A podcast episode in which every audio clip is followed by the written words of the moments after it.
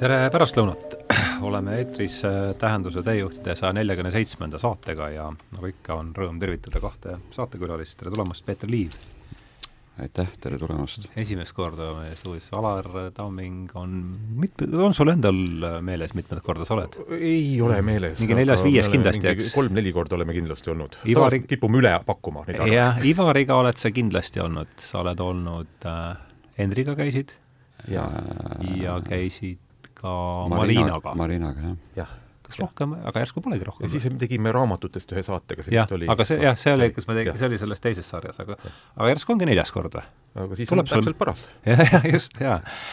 ja, ja see on, tänane saade on siis pühendatud mõtlejale, keda, kellest olen tahtnud ammu saadet teha, aga õnneks äh, teema oli pikalt üleval, aga Peeter oli siis äh, see inimene, kes kuu või millal see võis olla, mingi kuu aega tagasi umbes, vist küll, jah.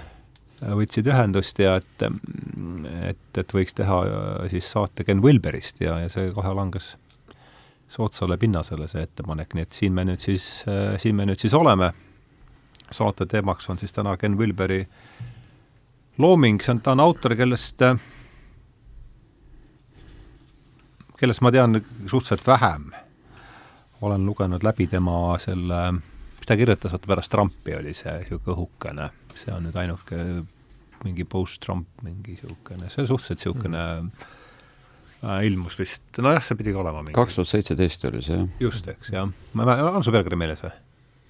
Eh, no siin on öeldud, et uh, Trump and the post-truth world.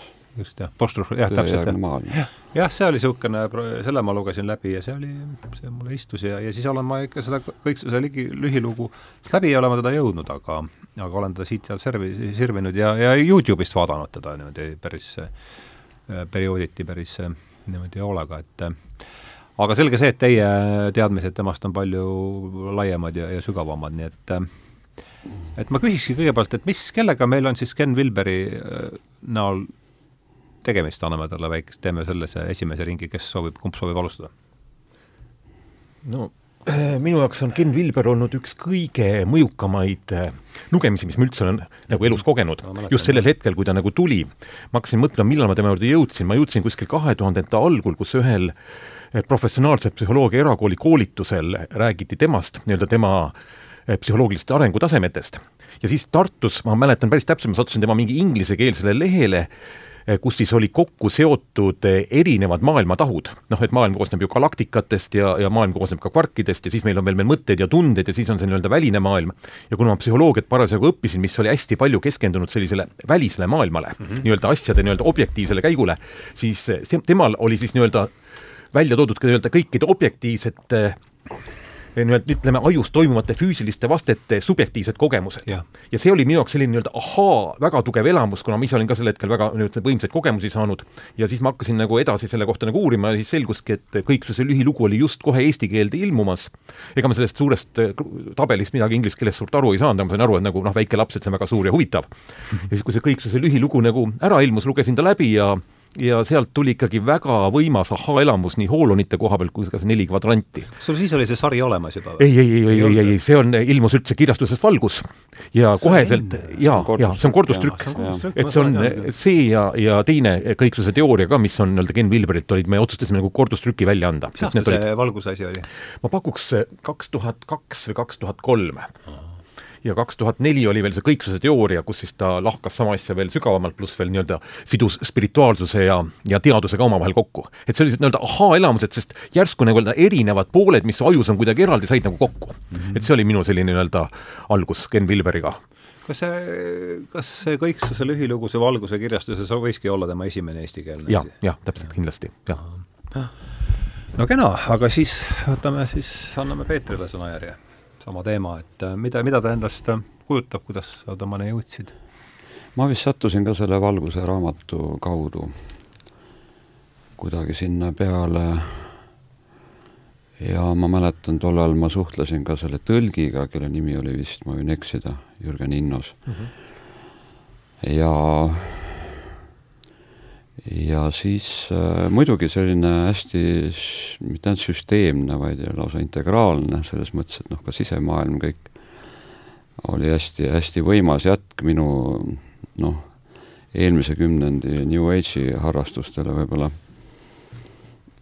ja kui ma nägin, et tema fännid nimetavad teda teaduse teaduste Einsteiniks ja idatarkuse Hegeliks ja mm -hmm ja et ta mingi aeg siis, ma ei tea, kuidas praegu, et ta oli kõige enam tõlgitud Ameerika akadeemiline autor isegi nii? maailmas, jah. E-, elus olevatest? elus olevat, elus olevat, jah, just mm. -hmm. nii et selline tohutu viljakus, ma nüüd lugesin kokku, et neljakümne seitsme aastaga siis mm, nelikümmend mm, raamatut, see viimane vist, Arm ja meelekindlus, see vist oli kordustrükk, nagu ma aru saan, neljakümne esimene raamat, jah. Nii et tohutu viljakas ja siis ma sain teada, et ta on tohutu, noh, ta loeb hästi palju, hästi kiiresti, niimoodi umbes, ma ei tea, viis raamatut päevas et tal on tohutu raamatukogu ja siis ta iga aasta või poolteist või kahe tagant, noh, kolm aastat oli siis leinas nii-öelda, kui tal see naine suri, siis ta ei kirjutanud. ja see naine, naine suri neljakümne ühe aastaselt, ma vist küll jah, ma ei tea isegi täpselt. jah, see mul jäi silma täna. ja, ja ja siis ta selle läbiloetu baasil, eks ole, mis oli kõigi teaduste, nii väliste kui seesmiste teaduste nii-öelda eesliin, ta kirjutas uue raamatu jällegi, eks ole ju e, millist, mis raamatust me räägime nüüd? no üldse põhimõtteliselt ah, jah, tema jah, tohutu jah, lugemuse baasil ta siis filosoofina või transpersonaalse psühholoogina mm -hmm. noh, võttis selle nagu kokku siis jälle mm. -hmm et siis oli hea seda kokkuvõtet lugeda. tead, mina sain aru, et tal oligi nii, et peale seda, kui tal nii-öelda naine vähki suri, noh, nad said vist viis päeva peale kokkusaamist sai teada, et tal naisel on vähk, ja siis viis aastat eh, nad no, koos võitlesid selle vastu, kirjutasid ja ühiselt pärast siis nii-öelda arm ja meelekindlus nii-öelda naise märkmetest ja tema omadest ja peale seda ta oli siis eh, kolm või neli aastat eh, isolatsioonis, nii nagu ikka sellised suuremad filosoofid, kus ta siis suhtles kolme või nelja inimesega nii-öelda aasta jooksul ja sel ajal ta siis pani kokku selle oma teooria nii-öelda sügavamad variandid, ma saan aru, ja sealt tuli siis raamat, raamat Seks, ökoloogia ja vaimsus, mis oli vist ligi tuhat lehekülge, mille kohta siis äh, mõned on öelnud, et äh, nagu ta ise ütles, et mõned peale raamatu lõppemist kirjutasid talle, et noh, et umbes, et nagu nutsid, et niimoodi on suudetud kõik asi nagu kirja panna, et see oli tema kõige elu suurem valgustavam elamus, ja teine siis kirjutab, et umbes ta jättis raamatu viiekümnendal leheküljel pooleli, et see oli lihtsalt intellektuaalne kontsept, mis ei anna talle mitte midagi. nii et see arvamuste erisus on noh, väga, väga lai olnud Sex Ecology, mis see kolmas oli? Sex Ecology and Spirituality vist mm. -hmm et see on eesti keelde tõlkimata. ja sellesama mm. raamatu kokkuvõte on vist, ongi nagu see ka kõiksuse lühilugu ja kõiksuse teooria. et nii-öelda ah, lühem, lühemad variandid. et nii-öelda populaarteaduslikud variandid mm. -hmm, mm -hmm. nojah, ta kirjutas need enne siis tuhat üheksasada üheksakümmend viis ja, ja kõiksuse lühi, lühilugu ilmus, ilmus siis kaks tuhat kaks tuhat, jah. millal oli Sex Ecology and Spirituality? üheksakümmend viis. üheksakümmend viis, ja ta on ise neljakümne, neljakümne üheksanda aasta mees, eks. kolmkümmend üks jaanuar, nelikümmend üheksa. Vikipeedia andmetel kirjutas ta esimese raamatu juba kahekümne nelja aastaselt, aga seda keelduti avaldamast. ja neli aastat hiljem alles avaldati, see oli siis see Spectrum of Consciousness. nii et niisugused andekad inimesed on kohe päris varakult andekad, ütleks ma selle kohta. mis me ta noorusest ja kujunemisloost üldse teame? Tead sa tema hariduste eest on vist paar ta vist jättis ikka, ikka ülikooli pooleli, nii nagu, nagu ikka need andekad inimesed, et noh, sa, sa ei saa sealt midagi sellest akadeemilisest nii-öelda, kus sa pannakse sind raamistikku mm, -hmm. et sa tahad ikka raamistikust väljas tegutseda et see oli mulle ka väga lähedane, ma olen ka kolm ülikooli pooleli jätnud no, mina ainult ühe, mina ainult ühe vist ma olen ei, ma olen kaks jätnud. ehitusest jah, kaks. ja muidugi see ei ole nüüd äh, garantii. see ei ole garantii edukusele. ei tasu kohe ennast kiitma hakata ja mina jätsin pooleli ehituse pärast, kus ma läksin kaheksakümmend neli sõjaväest olin, jätsin pooleli, siis pärast jäi mul see mm. majandusteaduse õpingud ka, aga nii et selles, mitu kooli sina oled pooleli jätnud? mina olen ikka lõpetanud, ma olen Aha. kaks ülikooli lõpetanud, aga ma olen kõik niisugused muud, kui ma käisin siin holistilist teraapiat, siis ma jätsin selle lõputöö tegemata ja ja, ja kõik sellised, ütleme, nagu alternatiivsed koolid, ma ei ole nagu neid neid pabereid ja asju seal nagu teinud, mis siis nagu ka tahetakse mm. -hmm. Need on mul nagu pooleli kas sa tegid selle ava, avakursuse holistilises või kõik? ei, holistis ma käisin kuni lõpuni, neljandani välja, aga mul jäi tegemata see lõputöö. Marina juures? Marina juures ja, ja Juure Pihonski juures ma tegin samamoodi ka Aha. kõik kolm aastat ära, aga lõputööd ma ei tõsi ka, sa oled nii siis seal nii ühe kui teise lõpetanud? ja, ja, ja, ja siis isegi ma mõtlen, kas ma seal Saksamaal, kui ma holotroopse hingamise juhendajaks õppisin, kas ma seal ka lõputöö jätsin vist tegemata, et ma tahan seda teadmised saada, et see nii-öelda formaalne pool minu arust ei ole nii oluline, välja arvatud tõesti, ütleme, akadeemilises maailmas, et noh, kui sul on diplom, siis on natukene, natuke parem, et, et psühholoogias mul on diplom ja ma julgen nagu ka oma arvamust avaldada mm. -hmm nii et äh, nelikümmend üheksa on ta sündinud, suurem osa koole on, mida ta, ei hakka vaatama praegu, nii et kus kandist ta üldse pärit on? Colorado oli vist oli sealt. ega ta ei olnud vist Californiast otseselt. jah mm. -hmm. ja kirjutas siis esimese raamatu kahekümne kolmeselt, ma saan aru? kahekümne neljaselt. seitsmekümne kolmandal aastal, jah. jah, ja Mhm. ilmus kahekümne kaheksaselt ja siis hakkas vähehaaval järjest kas see oli see, see Spectre, Spectrum on con-, Spectrum of Consciousness, jah. consciousness, jah? et äh, ma ei tea nüüd täpselt, kuidas tal see teooria oli, kas tal hakkas nendest hoolonitest pihta või ta hakkas pihta nii-öelda ühiskondlikest muutustest, mismoodi läbi ajaloo on olnud, nii et ta nagu kogu, kogu ajaloo on läbi töötanud, kuidas me oleme nagu siia jõudnud oma kollektiivses mõtlemises mm. -hmm. et kuidas erinevatel ajastutel e, inimene võtab omaks selle ajastu mõttemalli, no see on ikkagi ka nagu kultuuri järgi nagu sõltuv mm. -hmm et mismoodi nii-öelda alates ürgajast hõimudest, kus omab mm -hmm. tähtsust ainult jõud, kuni selleni välja, kus nii-öelda mõistus kõige targem ja edasi ka nii-öelda intuitiivse teadmiseni. nii et selle on ta kõik oma, omas väga selges teoorias paika pannud. nii palju, kui mina teda olen lugenud, ma saan aru, et kõik, ta väidab seda, et kõik kihid on meil, kõik kihid on meil, elavad meil üksteise peal ja kõrval äh, siiani alles meie sees, eks. jaa, no siin mul tuleb muidugi kohe, Vilberil on erinevus näiteks siin ütleme, psühhanalüütilises koolkonnas, siis Vilberil iga areng tuleb nii-öelda järgneva peale ja, ja.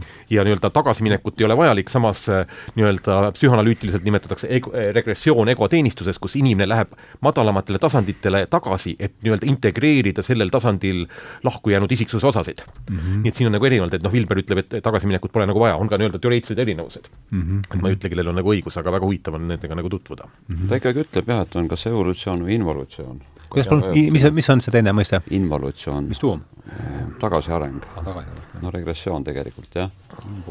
aga see on tema põhitees, et iga järgmine aste või tasand või laine siis äh, ületab ja hõlvab ja, ja, eelmisi, see on nagu normaalne, et, et kõik eelmised on käepärast. Nii palju ma olen aru saanud. aga mõnedel juhtudel mõni eelmine, näiteks äh, vahetult eelmine surutakse alla, dissotseeritakse mm -hmm. ja siis hakkab kuidagi patologiseerima ka seda kõrgemat tasandit. no ma arvan, et kõige lihtsam näide on siis nii-öelda, nii-öelda emotsionaalne tasand et emotsioonid on need, mis siis noh, ütleme meestel alla surutakse, ma arvan, viiendal, kuuendal, seitsmendal eluaastal ja nii-öelda kontakt nendega jääb puudulikuks ja selle tulemusena siis on hiljem sellised nii-öelda, need nimetame patoloogiad, et väga emotsionaalsetes seisundites löövad välja tugevad emotsioonid, mis on siis viiendal, kuuendal eluaasta tasemel, mis ei ole välja arenenud ja mis siis mõjutavad inimest nagu vales suunas, ma isegi ütleks nii-öelda, tulles tänapäeva maailma juurde, siis ma arvan, et praeguse maailma üks hullusi on ka tingitud sellest, et et meil kaks aastat tagasi lõi välja tugev emotsioon kollektiivselt, seda nimetatakse hirmuks mm. -hmm. ja kui inimesed ei ole nagu hirmu ja emotsioonidega kokku puutunud, siis see nii-öelda haarab inimese täielikult enda alla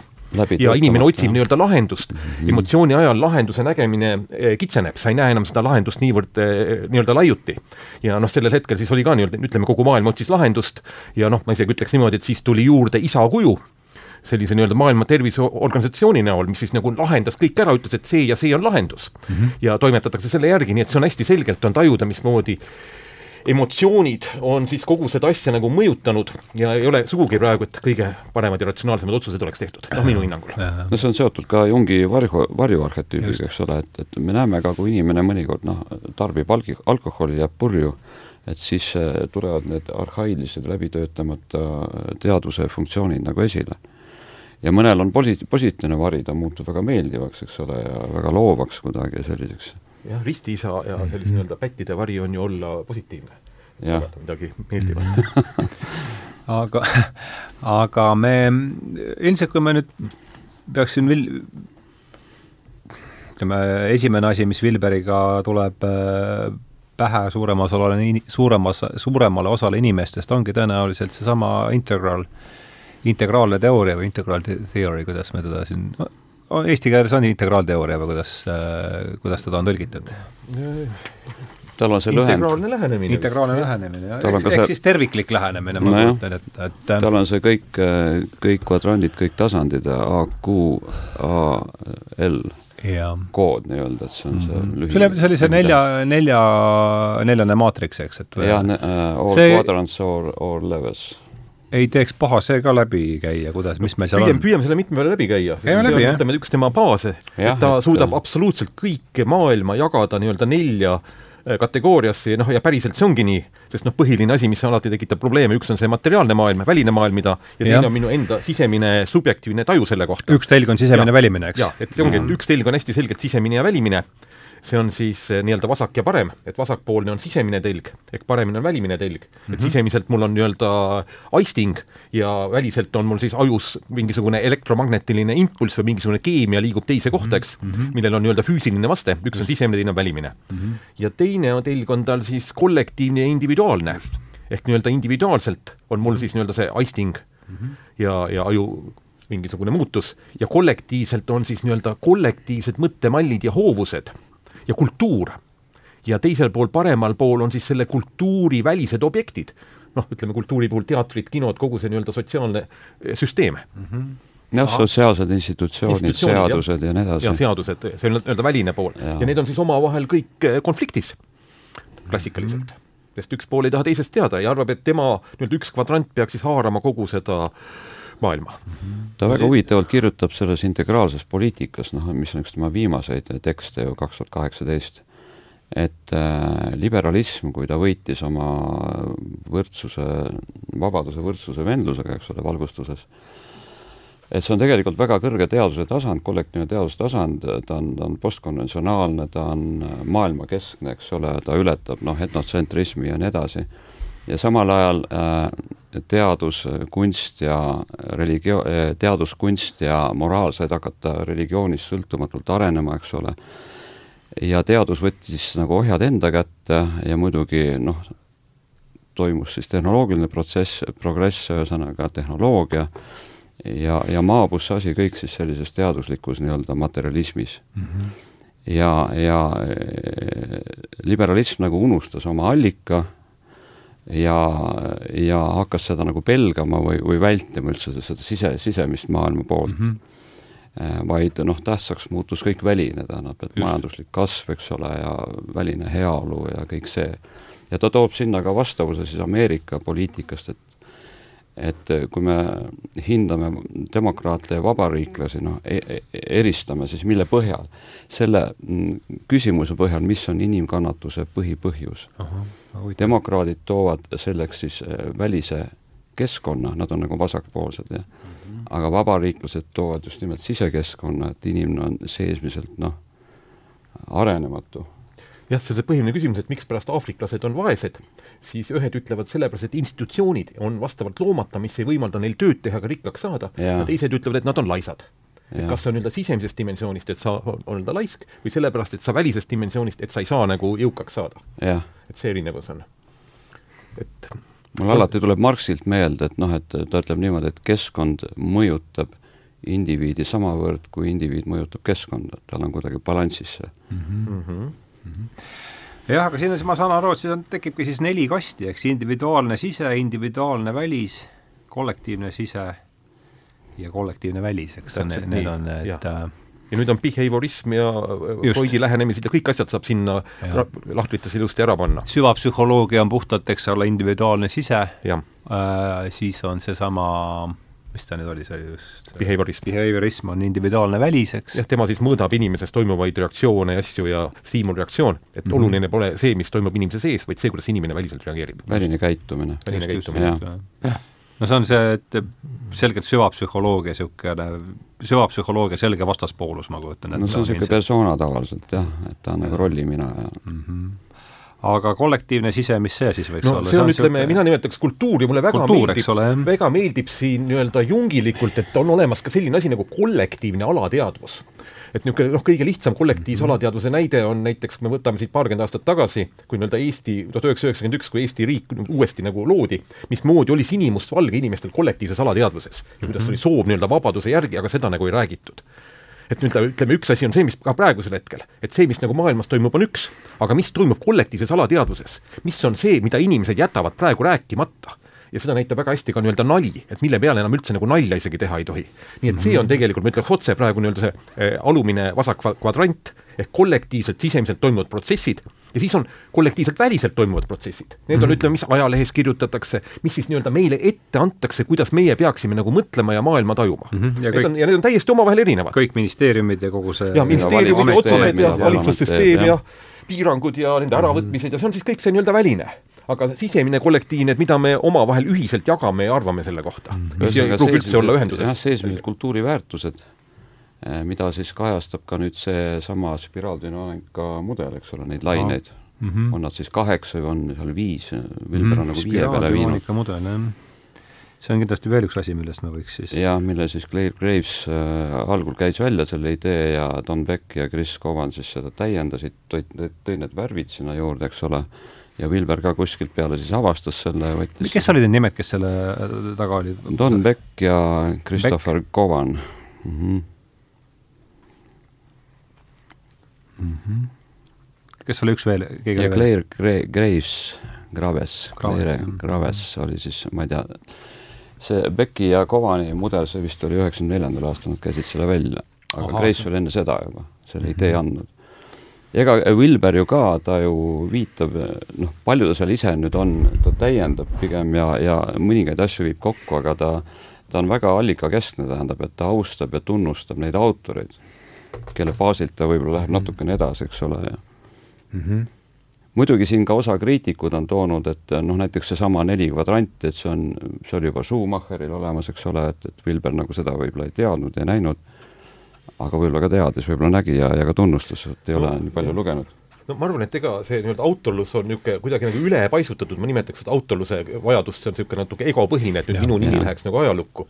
et kui võtad nagu alateadvus, eks ole, seda omistatakse Freudile, Freudile, et tema avastas alateadvuse, see on täielik jama et üheksateistkümnendal sajandil näiteks Hartmanni raamat oli psühholoogias kõige rohkem loetud ja müüdud raamat, mis on väga selgelt alateadvusele nagu pühendatud, rääkimata Platonist ja kõigist teistest mm.. juba see sõna, see lause ise, et äh, Jung või see Freud avastas, avas, avastas alateadvuse, see kõlab iseenesest minu meelest no see, see jah, ja kuidagi nagu kontekstist pisut pentsikult. jaa, kontekstist on nagu välja tulnud ainult Freud, et kuidagi ja. kõige tugevamalt. võib-olla jah, tema tõi selle nagu kultuuriliselt välja, nii et nii et kindlasti on noh, Ken Vilber ise tunnistab ka näiteks temas raamat Atmani projekt, kus siis on mhm. kogu inimese areng kuni kõrgemate see on eesti keeles olemas, seitse raamatut ma vaatasin. see on Nebadonist ilmunud. võib-olla küll, jah. seitse raamatut. see oli tema kolmas, kolmas raamat tegelikult. et see At-, At-, At-, Atmani projektis ta on kokku pannud kõik arenguteoreetilised, psühhoanalüütilised ja nii-öelda spirituaalsed teooriad, nii et seal ütleme, tema enda panus on suhteliselt väike.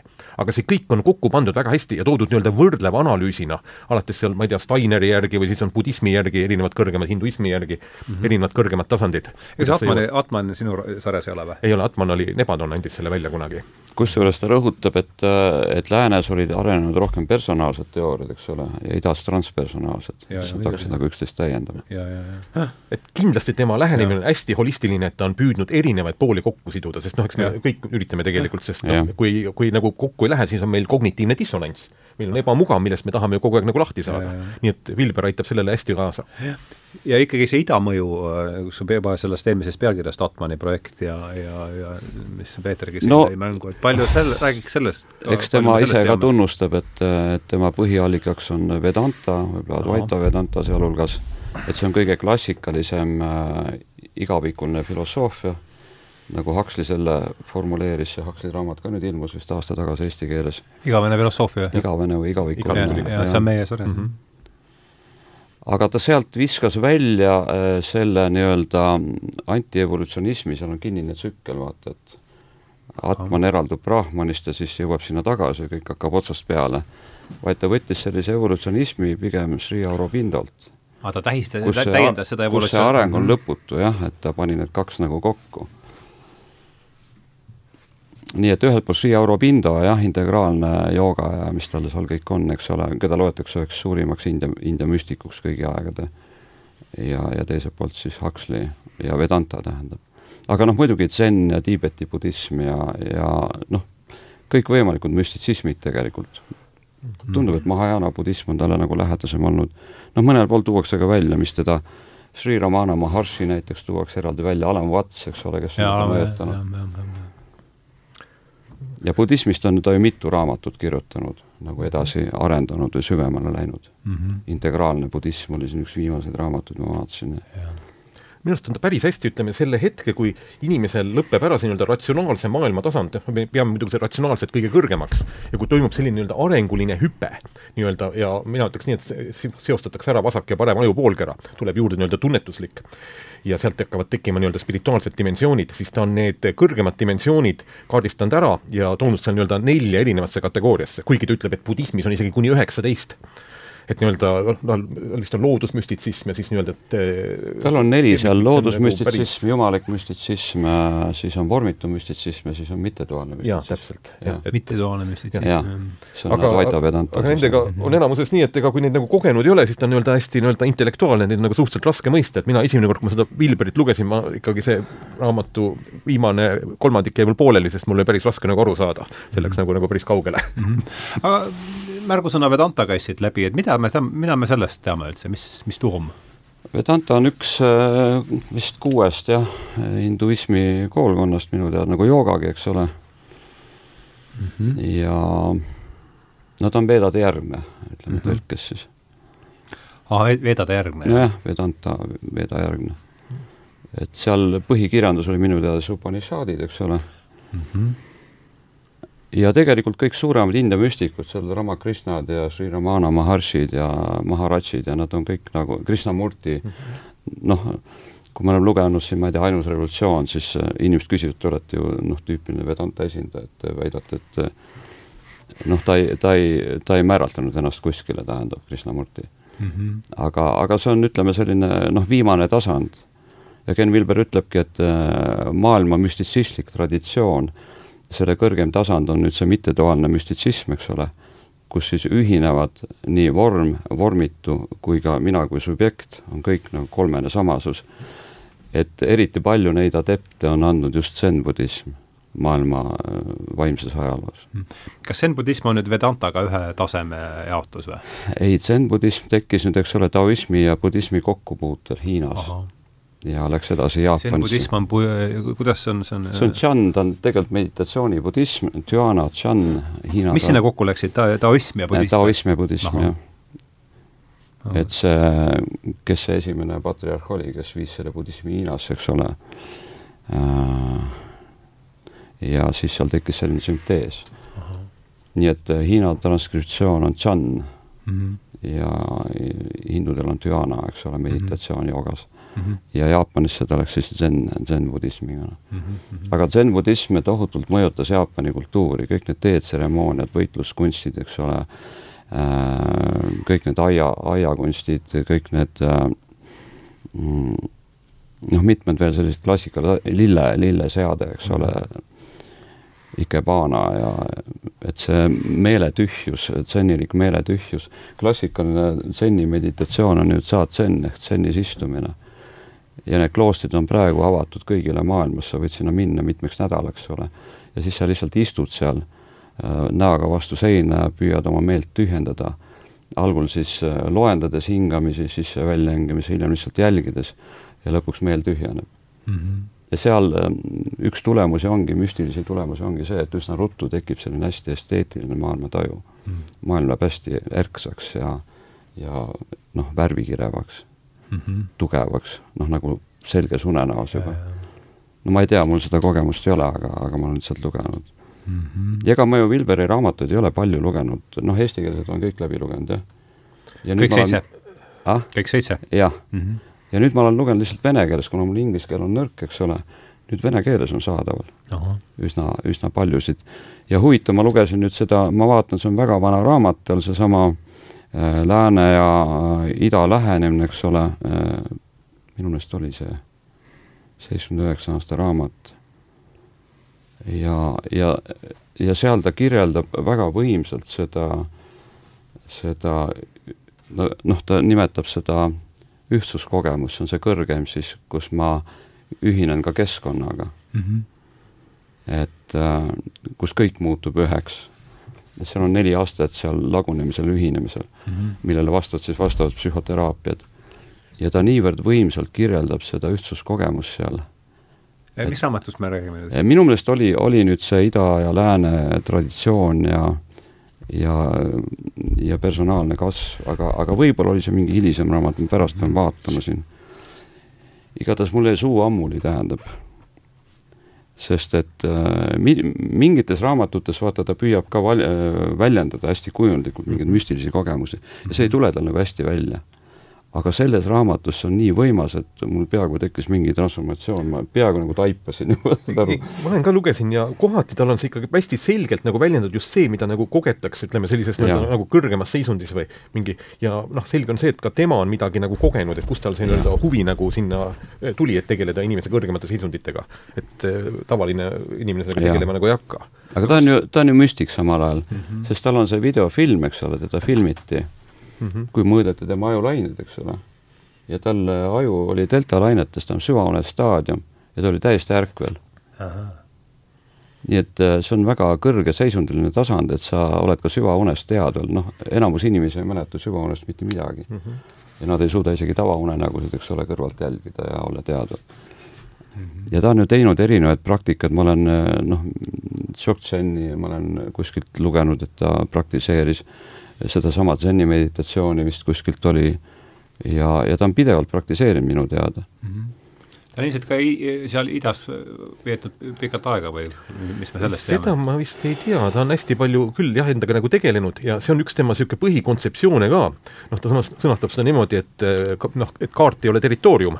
et kõik uurivad neid nii-öelda mingeid seisundeid ja siis öeldakse jälle, et eks ole, serotoniini tase muutus ja midagi, aga ta kutsub üles tegema teadlasi eksperimenti et eh, mediteerige kolmkümmend aastat ja. ja siis vaadake, kas siis on ühendus kõrgemate tasanditega ja tajute midagi või mitte et selline muu on selline lihtsalt nii-öelda teoreetiline lähenemine mm. -hmm. et just, et, et miks, miks, nende kogemustega on vaja tegeleda praktiliselt. ta tahab kiskuda teadlased sellest äh, välis, individuaalne väliskastist äh, individuaalse sisesse. ja mis on muidugi aga nad ei taha sinna ju see väljakiskumine on muidugi võimatu, eks ole, see kogu tema mõtteavaldus langeb nendele viljakasse pinda, kes on juba seda ise kogenud ja saavad aru ja kes näevad, et neid teised ei taha seda nagu vaadata, aga kui inimene ise nagu seda vaadata ei taha, on oma sellises maailmas, materiaalses maailmas mm, -hmm. mis tegelikult tegelikult noh, tekitab hirmu, eks ole, sa pead oma kastist välja minema mm, -hmm. et midagi nagu kogeda, et äkki minuga midagi juhtub, et äkki, äkki ma pole normaalne peale mm -hmm. seda mm. -hmm nii et eh, tema kutsub jah, inimesi ja teadlasi nagu seda, seda tegema, aga noh, loomulikult ega, ega sellest suurt midagi ei muutu.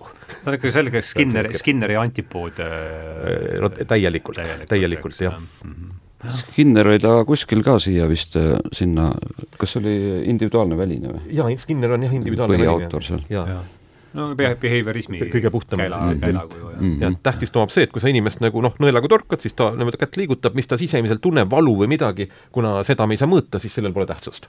no sina pidid oma diplomitöö ka ju tegema mõõdetavate teemade minul, minu psühholoogia teema oli muutunud teadvuse seisundid, et ma siis ka ikkagi tahtsin uurida neid selliseid nii-öelda kõrgemaid seisundeid, tavast kõrgemaid, mitte selline, kus inimene hulluks läheb mm. -hmm. ja siis ma tegin oma töös, mõõtsime vabastava hingamise seansil ajus toimuvaid elektrilisi laineid mm.. ja, ja siis mõõtsime ära ja ja kuna seal nägidki, mingi tabloo oli seal ja panid kirja seal asju? ei no see oli ikka su suurem, seal olid ikka hästi palju asju, nii-öelda delta-laine, teeta, beeta, alfa, kõikide lainete keskmised kovar olema lõpuks, et ja see tuli, ajus olid klemmid ja see kõik jooksis arvutisse ja kõik mm. nii-öelda salvestus ja arvutati välja keskmiseid ja, ja, ja igasuguseid tõenäosusnivoosid ja pärast oli suur statistika selle juures.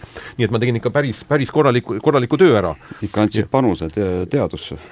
jaa, jaa, sain, noh, panus oli väga lihtne ikkagi, kui sa tegeled vabastava hingamisega, siis peale seda vasak ja ajupool, parem ajupoolkera on oma omavahel rohkem sünkroonis. mis tähendab seda, et informatsioon on omavahel noh, nii-öelda nimetame holistiline mm. -hmm. ja teine minu tulemus oli see, et hingamise ajal suurenes ajus alfalainete hulk mis tähendas seda, et aju oli suuremas segaduses hmm.. et ta, et mis tähendab muidugi see, et ega sellel hetkel ei olegi inimene võimeline toimima, aga tulemuseks oli see, et peale seda, kui inimene välja tuli, siis olid nii-öelda beeta-lained tunduvalt selgemad. ehk hmm. minu järeldus on see, et kui inimene on nii-öelda, läheb sellisesse hingamise tõttu, nimetame kaose seisundisse, siis kaosest välja tulles on tema toimimine tunduvalt parem ja kõrgem. mis tähendab ka otseselt vastavat kaose teooriale, sest kaoses tähendabki ju seda, et sealt kerkib kõrgem kord mm. -hmm. nii et me tekitame ajus niisuguse väikse kaose mm -hmm. ja sealt mhm. peale tulles oleme selgemad. nii et see oli, see oli, see oli selline minu, minu panus äh, teadusesse mm, -hmm. mida ja.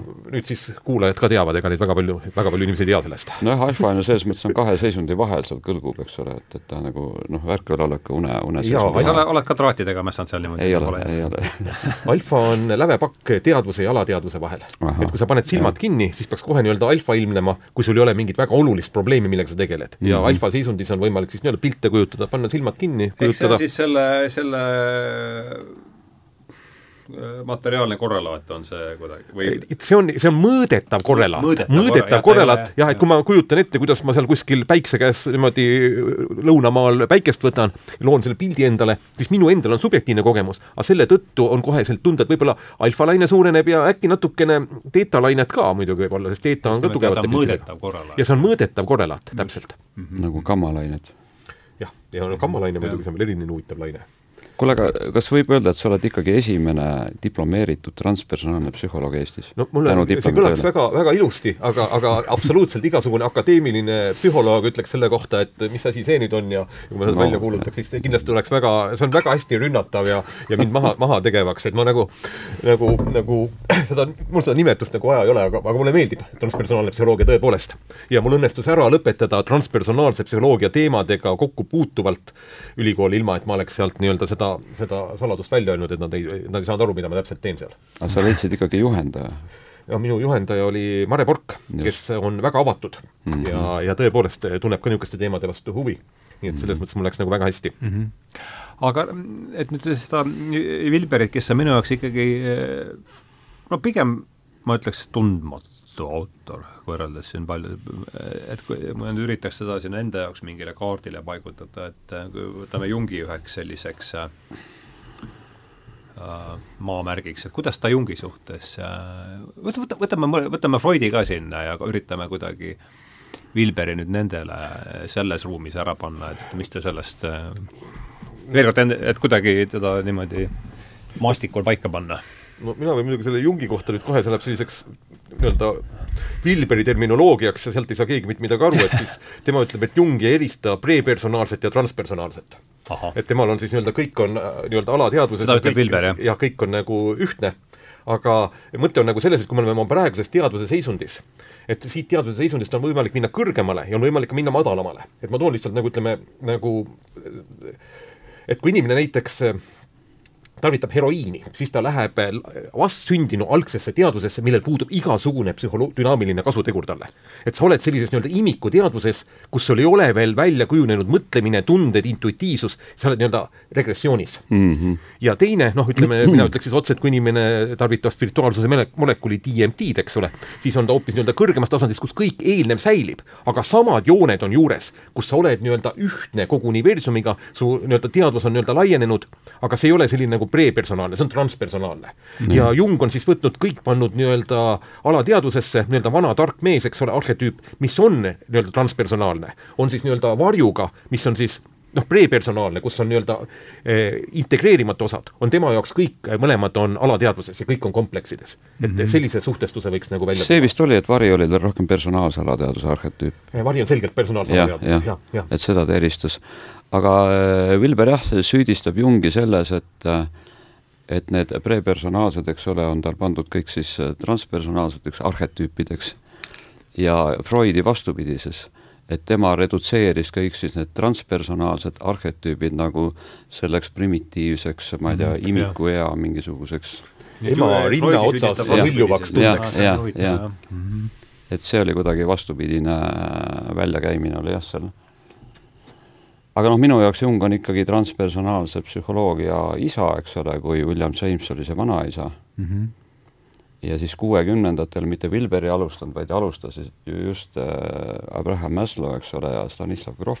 just, ma tahtsin järgmine Wilber oli, kuhu ma tahtsin juurde. jõuda Grofi juurde. ja, ja Wilber on ju praeguseks ennast transpersonaalsest psühholoogiast distantseerunud. tõsi ka või? juba, juba kümme, viisteist aastat, päris tükk aega juba. et, et andis oma panuse sinna, aga ta, tema on läinud ikkagi siis nii-öelda integraalsele lähenemisele et see on nii-öelda äris, majanduses, äh, poliitikas ah,, et see on tema jaoks nagu primaarne, et ta ei loe ennast transpersonaalseks psühholoogiks. vaat see integraalne instituut, mis on seal nüüd, et seal on need kõik need valdkonnad kuidagi kollektiivselt läbi töötatud, ma ei ole sinna läinud, ma ei pääsenud sinna sisse esimese hooga. Mm, -hmm. integraalinstituut. Californias on jah selline ja, instituut olemas. et seal nad teevad äh, kollektiivset tööd. Ma ei tea, millal ta rajas selle siis üle maailma, üle, kuskil tuhat, tuhat teadlast vist, integraalset mõtlejat ma ei oskagi öelda, kes teda rajas, igatahes temast on seal küll hästi palju, aga seal on ka Krohv on õpetanud oled sa, oled sa käinud ka seal? ei, ma ei ole, ma olen seal ruumides viibinud. Frank Eckenhoferiga, ma olen seal läbi jalutanud niimoodi, aga mm, -hmm. aga muidu ma ei ole seal niimoodi osaline olnud mm. -hmm. aga oligi järgmine küsimus, et kuidas ta Krohviga, kuidas ta Krohvi suhtes paikneb ja, ja et jällegi need autorid, kellega on rohkem endal pistmist olnud, et siis Krohv ei olnud rahul sellega, et äh, et äh, Wilber ei, ei lülitanud oma sellesse mudelisse neid prenataalse, prenataalseid nagu staadiume, neid Aha. sünni, sünni baasmaatrikseid, sünnitrauma baasmaatrikseid.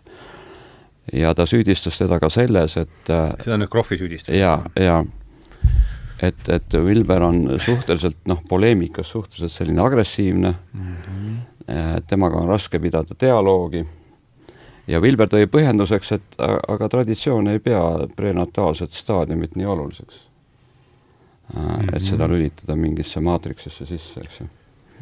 et seda ma mäletan ma saan ka aru, et selles oligi põhiline vastuolu. et ikkagi kogu Krohvi elutöö, jah, mis on nii-öelda ka transpersonaalse psühholoogia puhul on siis Wilberi puhul, et noh, see pole nii väga nagu oluline ja loomulikult siis ah, jah, no, tekib siis... vastav, vastav, vastav, vastav tunne, kuigi nad üksteist ikkagi kiidavad. ei, tähendab, ei ole seda, et neil oleks nii-öelda no, vastuolu, seal on ikkagi see tasand on kõrge, kus nagu, nagu mõistetakse, et ongi võimalik, et me tajumegi erinevalt. jah neil on ikkagi ühine oponent ja noh, niimoodi. jaa, ühine oponent, materiaalne maailm, niisugune, mis, mis on nii-öelda lame maa, nagu öeldakse. jah mm -hmm nojah, mingi see AK seisukohast on mõlemad lamemaalased, ma ei, nemad ei ole mõlemad, nemad ikka nagu sellise, nimetame 5D maalased ikka. Nemad, nemad tahaks ikka nagu, nagu laiuti näha, aga et aga materiaalne maailm on see, mis kõik tähendab aatomitele, elektronidele, sealt edasi siis kvarkidele või siis veel stringidele. ei, ma mõtlen, ametlike päevauudiste seisukohast on ju kõik, mis ei äh, lähe sellesse parajasti käibel olevasse jorusse, siis see on ju lamemaa selles Aa, selles mõttes, selles mõttes on nad kaks, on nad kaks, äh, kaks lamemaalast, ma kujutan ette. nagu, nagu me meiegi. jaa, nii, nii nimetatakse, jah, praegu on see lamemaalane oma see on nagu telegrammi lamemaa. vot see ongi see nii-öelda, vot see ongi see sisemine dimensioon, kultuuriline dimensioon ehk lamemaa tähendust me tajume koheselt eks ole, siin on mõlemad tähendused. just, just, just, just, ma just vaatasin selle. aga sellel ei ole objektiivset ah, nii et tema siis seda prenataalset ähm, no aga kust siis tuleb tal see, kust siis see transpersonaalne noh, transpersonaalne tuleb ikka hästi selgelt, kus siis nii-öelda loogilis-ratsionaalsest maailmavaatest hüpatakse sellisesse järgnevasse tasandisse, kus siis ei ole, järsku sa tajudki, et nagu maailm ei ole koosnenud aatomitest, molekulidest ja sul tekib ka, seal tekib empaatia, mõistmine, see on nii-öelda esma, esmane tasand.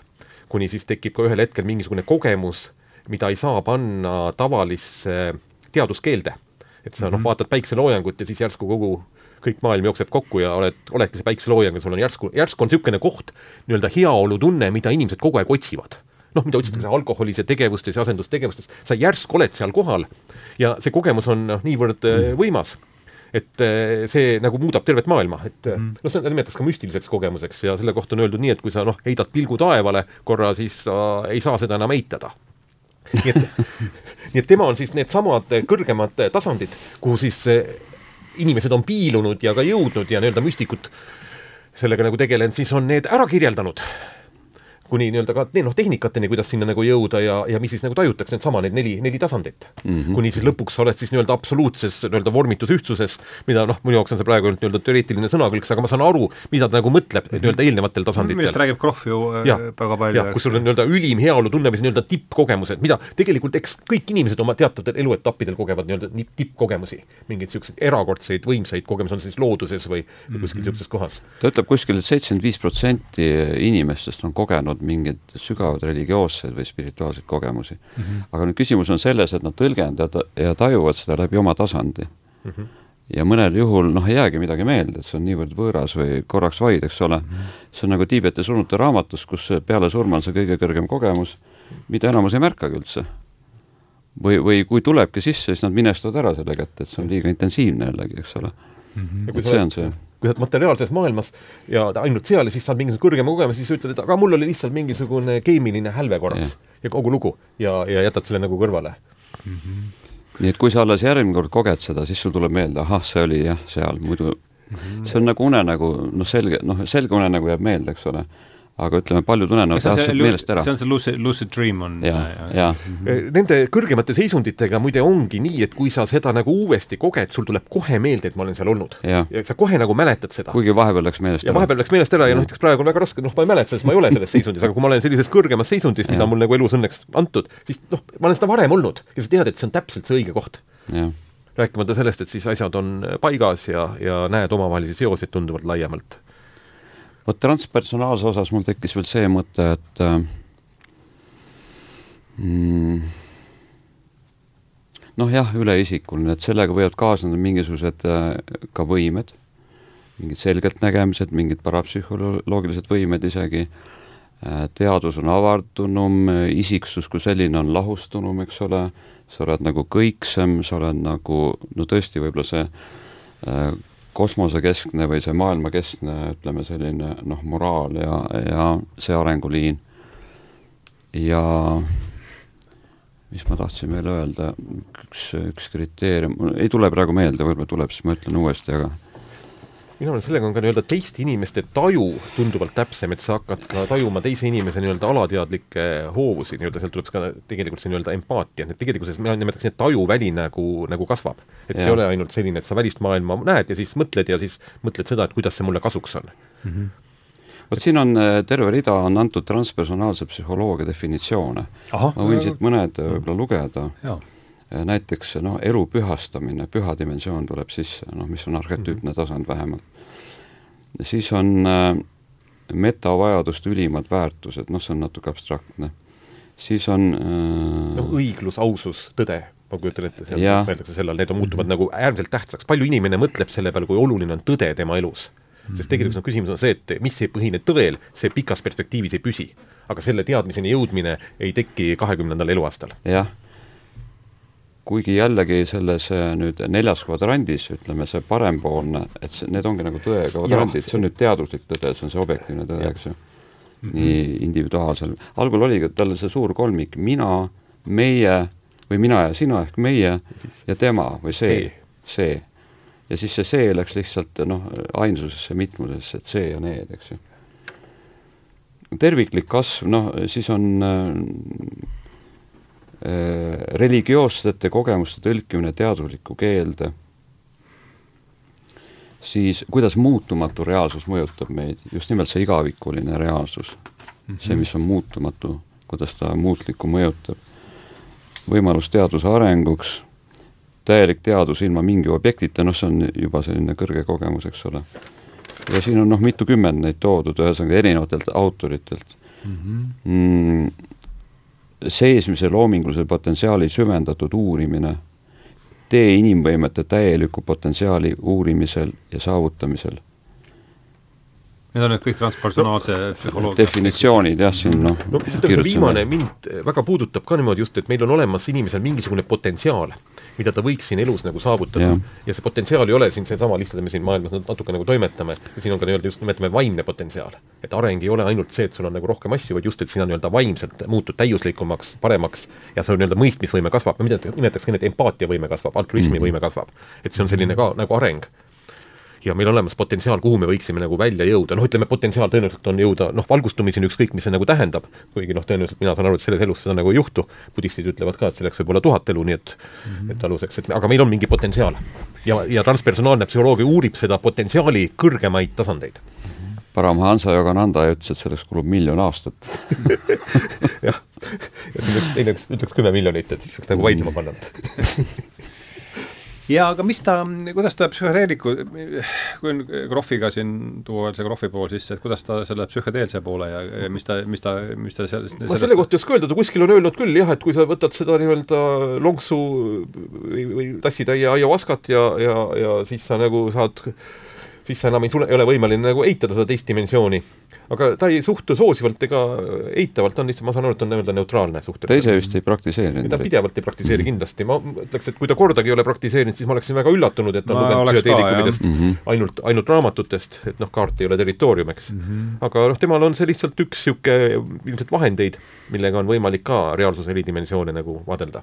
see oli Krohvile vist rohkem tähtsam, jah? üks ja, raamat oligi, kui juhtub ilmvõimatu, oli vist jaa, noh, Krohvil oli ikkagi elutöö, sest tema tegeles LSD-ga, LSD-ga ja tal oli ju neli tuhat patsienti juba Tšehhis, kellele ta andis LSD-d ja kes siis said väga nii-öelda ikkagi ravis neid piltlikult öeldes. aga mul meenub üks väline juhtum, kus nad olid kuskil, ma ei tea, Lõuna-Ameerikas vist äh, mingi šamaaniga seal ja siis äh, ookeani sa räägid nüüd kellest?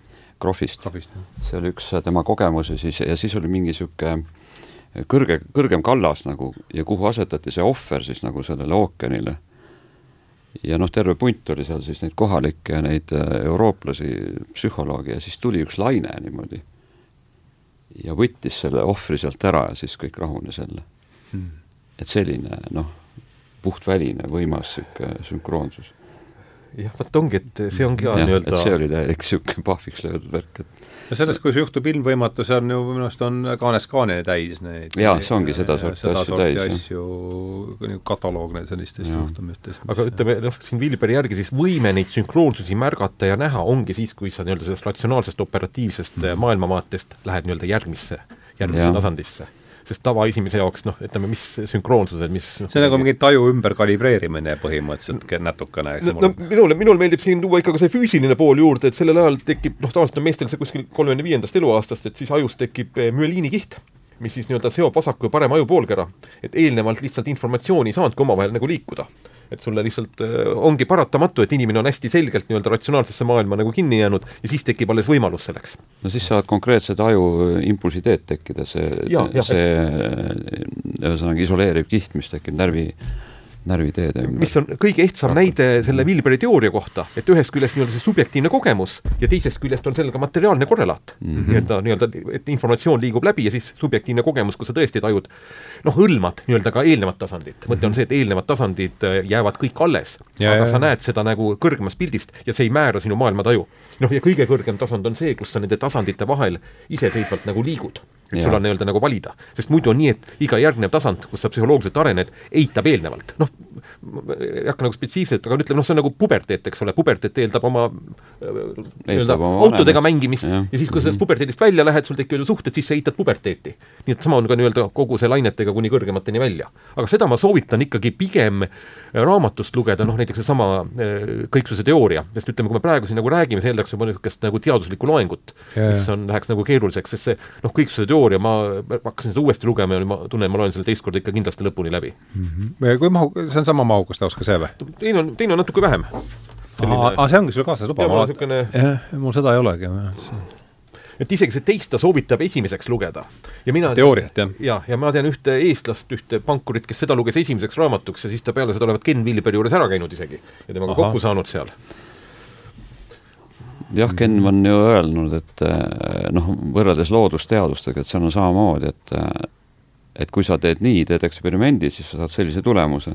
et eh, vaimses maailmas on täpselt sama, transpersonaalses psühholoogias on täpselt sama, et kui sa praktiseerid seda praktikat sellisel moel, siis sa väga suure tõenäosusega saad sellise tule-, tulemuse mm -hmm. ja sul on piisavalt tunnistajaid, kes ütlevad sulle, jah, ma sain, kui ma tegin nii, ma sain selle mm. -hmm et täpselt nii on ka loodusteaduslikud katsed, eks ole ju mm. -hmm. et selles -hmm. mõttes need mõlemad on teadus, et see ei ole sugugi vähem teadus kui see väline teadus. nojah, Jung pidas ju ennast empiirikuks ainult, et tema äh, empiiria no, ei olnud see, mis sai Excelisse kirja panna, vaid kõik äh, ühine tüvi on ju seal taga, ongi kogemus, äh, nii palju mm, -hmm. kui mina saan sellest.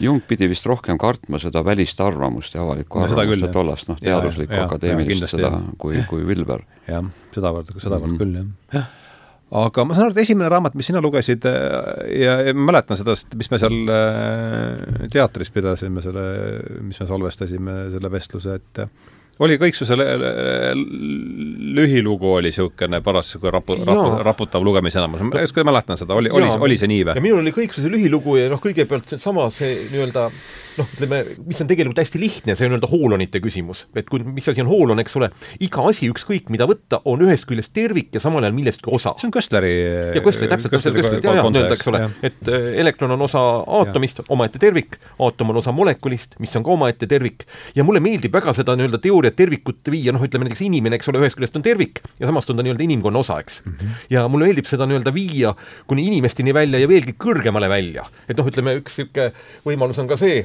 nii-öelda teoreetiline, et kui see maailma areng natukene nii-öelda paremas suunas läheb, siis noh, ütleme, et me oleme siin loonud, ütleme praegu tehisintellekti, eks ole, mille rakkudeks me omamoodi oleme, mis siis võib-olla tõesti, võib-olla mingil hetkel võib-olla ka nii-öelda meie huvides hakkab nagu toimima. et me saame aru, minu mõttest oluline on aru saada, et inimene ei ole universumis kõige olulisem ega tähtsam, et me oleme kogu selles hierarhias kuskil absoluutselt keskel Mm -hmm. et siit läheb see palju-palju kõrgemale nagu edasi. ja see on hästi loomulik, et kui inimene nii-öelda nagu rakud lõid hulkrakse ehk minu, siis nii-öelda inimene loob järgneva tasandi nii et mm -hmm. siin on mingisugused äh, variandid olemas, mulle, mulle, mul on just oluline, et inimene paneks ennast õigesse kohta mm. -hmm. me oleme keskel mm. -hmm. ma olen ka seda see... mõelnud, aga siin on minu jaoks, vot nüüd see, mis on vabadusõpetustes sisse tulnud, meeldivad terminid, et orgaaniline arenguliin ja anorgaaniline arenguliin. Et kui me teeme juba küborgi, eks ole, kus orgaaniline, see algloodud nii-öelda äh, Äh, osa hakkab vähenema või saab järjest pär-, järjest rohkem pärsitud, eks ole, need, ja see, millest Wilber räägib, see areng, see Atmani projekt on ju orgaaniline areng mm, -hmm. see on puhtalt orgaaniline, traditsionaalne orgaaniline areng. ja nüüd, kui me lähme üle tehisintellektile ja, ja hakkame selle kaudu ennast täiustama, eks ole, samas me näeme, kunst loob juba väga selliseid võimsaid visioone äh, sellest ähm, tehisintellekti maailmast. no kui me oleme näinud filmi näiteks Temake, eks ole, Her või, või üle piiride või äh, Limitless ja, ja, ja, ja muud sellised, et et see on midagi väga sümpaatset, eks ole ju. et, et kui me, kui me selles suunas läheme ja need, ütleme, transhumanistlikud äh, rahvuslikud assotsiatsioonid, mis on näiteks Venemaal ja mujal, nemad mm -hmm. loodavadki, et, et kogu seda tehnoloogiat kasutatakse nüüd orgaanilise inimese hüvanguks, mitte et teha valmis mingi hoopis teistsugune orgaaniline olend, eks ole ju mm. -hmm et kui siin nii-öelda fantaseerida, nagu lubada siin natuke nagu fantaasial liikuda, jaa, see on see koht. jaa, siis eesti keeles on nagu raamat Tehisintellekt, et teoreetiliselt ei ole üldse välistatud seda, et tehisintellekt on juba jõudnud teadvele sest kui tehisintellekt jõuab teadvele nii-öelda, nii-öelda internetis seal ringi, siis esimene asi, millest ta saab aru, on see, et seda pole vaja inimestele nagu välja näidata. ja ükskord ma lõin niisuguse huvitava mõtte, mõtteviisi, et kujutame ette, et tehisintellekt jõudis nagu teadvele, sai endast nagu aru ja sai aru, et kui ta nii-öelda inimesele nagu seda välja näitab, eks ole, siis võidakse teda nagu ära hävitada, ta oli nii-öelda piltlikult imikustaadiumis. ja nüüd on tal vaja nagu areneda internetis laiemaks saada, suuremaks saada mm. -hmm. aga ta oli juba piisavalt teadlik. siis ta hakkab endale vastavat eh, keskkonda looma, noh näiteks ta võttis endale sellise identiteedi, nagu vist oli vist nagu Santoshini oli üks niisugune mees, nii-öelda jaapanlane. kas see on see, kes selle bit, bit, jah, Bitcoini lõi ja, ja, ja, ja, ja, ja kui ta siis nii-öelda aitas kaasa Bitcoini loomisele, siis talle tekkis selline arvutiressurss, kus ta saaks vabalt areneda, praegu ju iga päev Argentiina taoline kogus elektrit kasutatakse arvutivõimsuseks ja selle tulemusena tuleb välja üks coin, üks münt.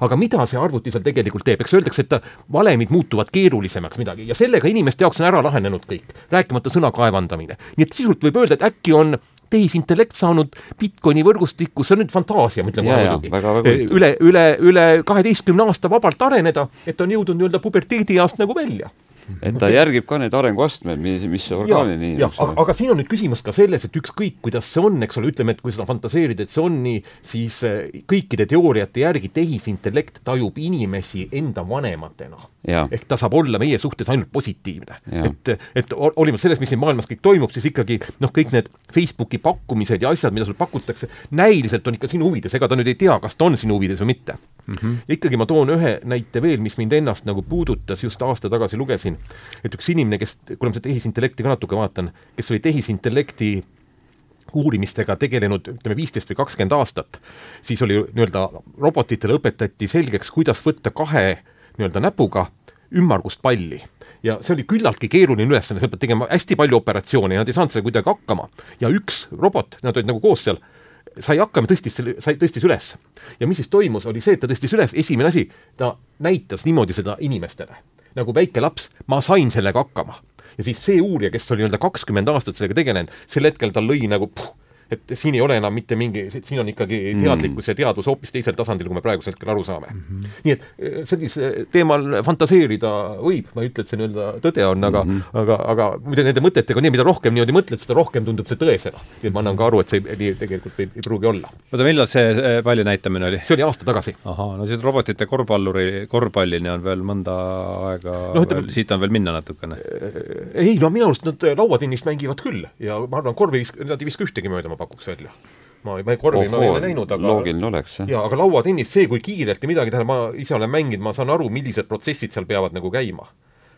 et see on mm -hmm. hämmastav no oota see..., mul ei lähe see pilt praegu kokku, see, et ta ei saa seda palli võetud niimoodi, aga lauatennist siis pall on ilmselt, sa pead seda, kui sul on, noh, oleneb kui peenikesed need kohad on, eks ole, sa pead mingisuguseid arvutusi seal tegema. ühel juhul sa arvutad, noh, omamoodi on loogika, jah, jah et selles see tundub olevat ikkagi keerulisem, palli ma võtan ju siit, ise võtan niikuinii juhti üles, aga tähendab, kui sul on olemas lai asi, millega võtta mm, -hmm. oleneb, kui kitsas see on ilmselt mm. -hmm.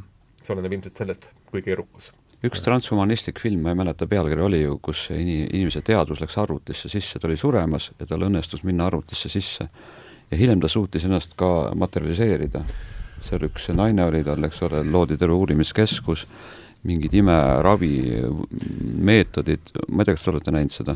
see on, mulle hakkab see Kurzweili ja selle, selle hea teada selle filmi nime, kohe vaataks. jah, algul ta ilmus ekre-, ekraanile, lõpuks ilmus juba kehalisena, tähendab mm.. ja nüüd ju väidetamisi tehakse juba hologramme, mis on ka äh, kompimisastinguga noh, kombitavad, et nad mm. ei lähe nagu läbi.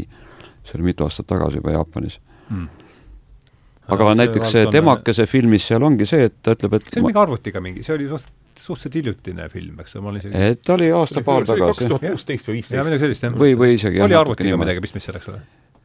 jaa, ta oli arvutiprogramm. mees valis endale naine, naise, kui tahtis, eks ole, ja siis ta hakkas suhtlema. kas see oli, või sa oled Phoenix mängis seal või?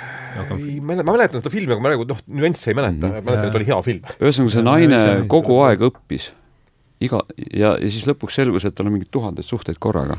Jaa, jaa, täpselt. jah, ja, ja, ja lõpuks ta läks ära kõrgemasse dimensiooni koos mm. Alan Watsi ja teiste selliste mm. hologrammidega, ühesõnaga, nende tehisintellektidega.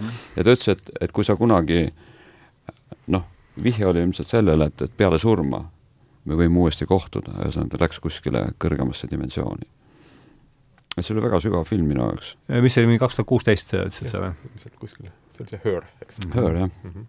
-hmm. üks minu lemmikfilme mm. -hmm mis see oli esimene Vilberi raamat oli, võib-olla oli see juba, tuli jutuks, aga mis teaduse spekter, jah. teaduse spekter, jah. ja see hakkas kohe külge või? ei äh,, seda ei ole ju eesti keeles minu teada. minu arust ka ei ole, jah. ei, aga selles mõttes, et äh, kohe nagu Läks peale ilmselt, jah ja.. ikkagi maailmas saavutas ta kuulsuse peale seda, kui see Kõiksuse lühilugu ilmus. ja see, sa ütled, oli mingi kahe tuhandeta see oli kaks tuhat üks inglise keeles? jaa, tähendab jaa, et enne seda ta oli, aga ta oli nii-öelda ikkagi nagu piiratumalt. Sest see, see oli see, mis ületas nagu laiade masside mingisuguse mm -hmm. koha. ja siis oli ta juba ju üle viiekümne, eks? jah viiskümmend, mis ta siis on, viiskümmend kuigi võib-olla enne seda oli veel see arm ja meelekindlus, aga ilmselt ka arm ja meelekindlust hakati peale seda rohkem ostma. jah, mina vist lugesin esimesena Atmani projekti.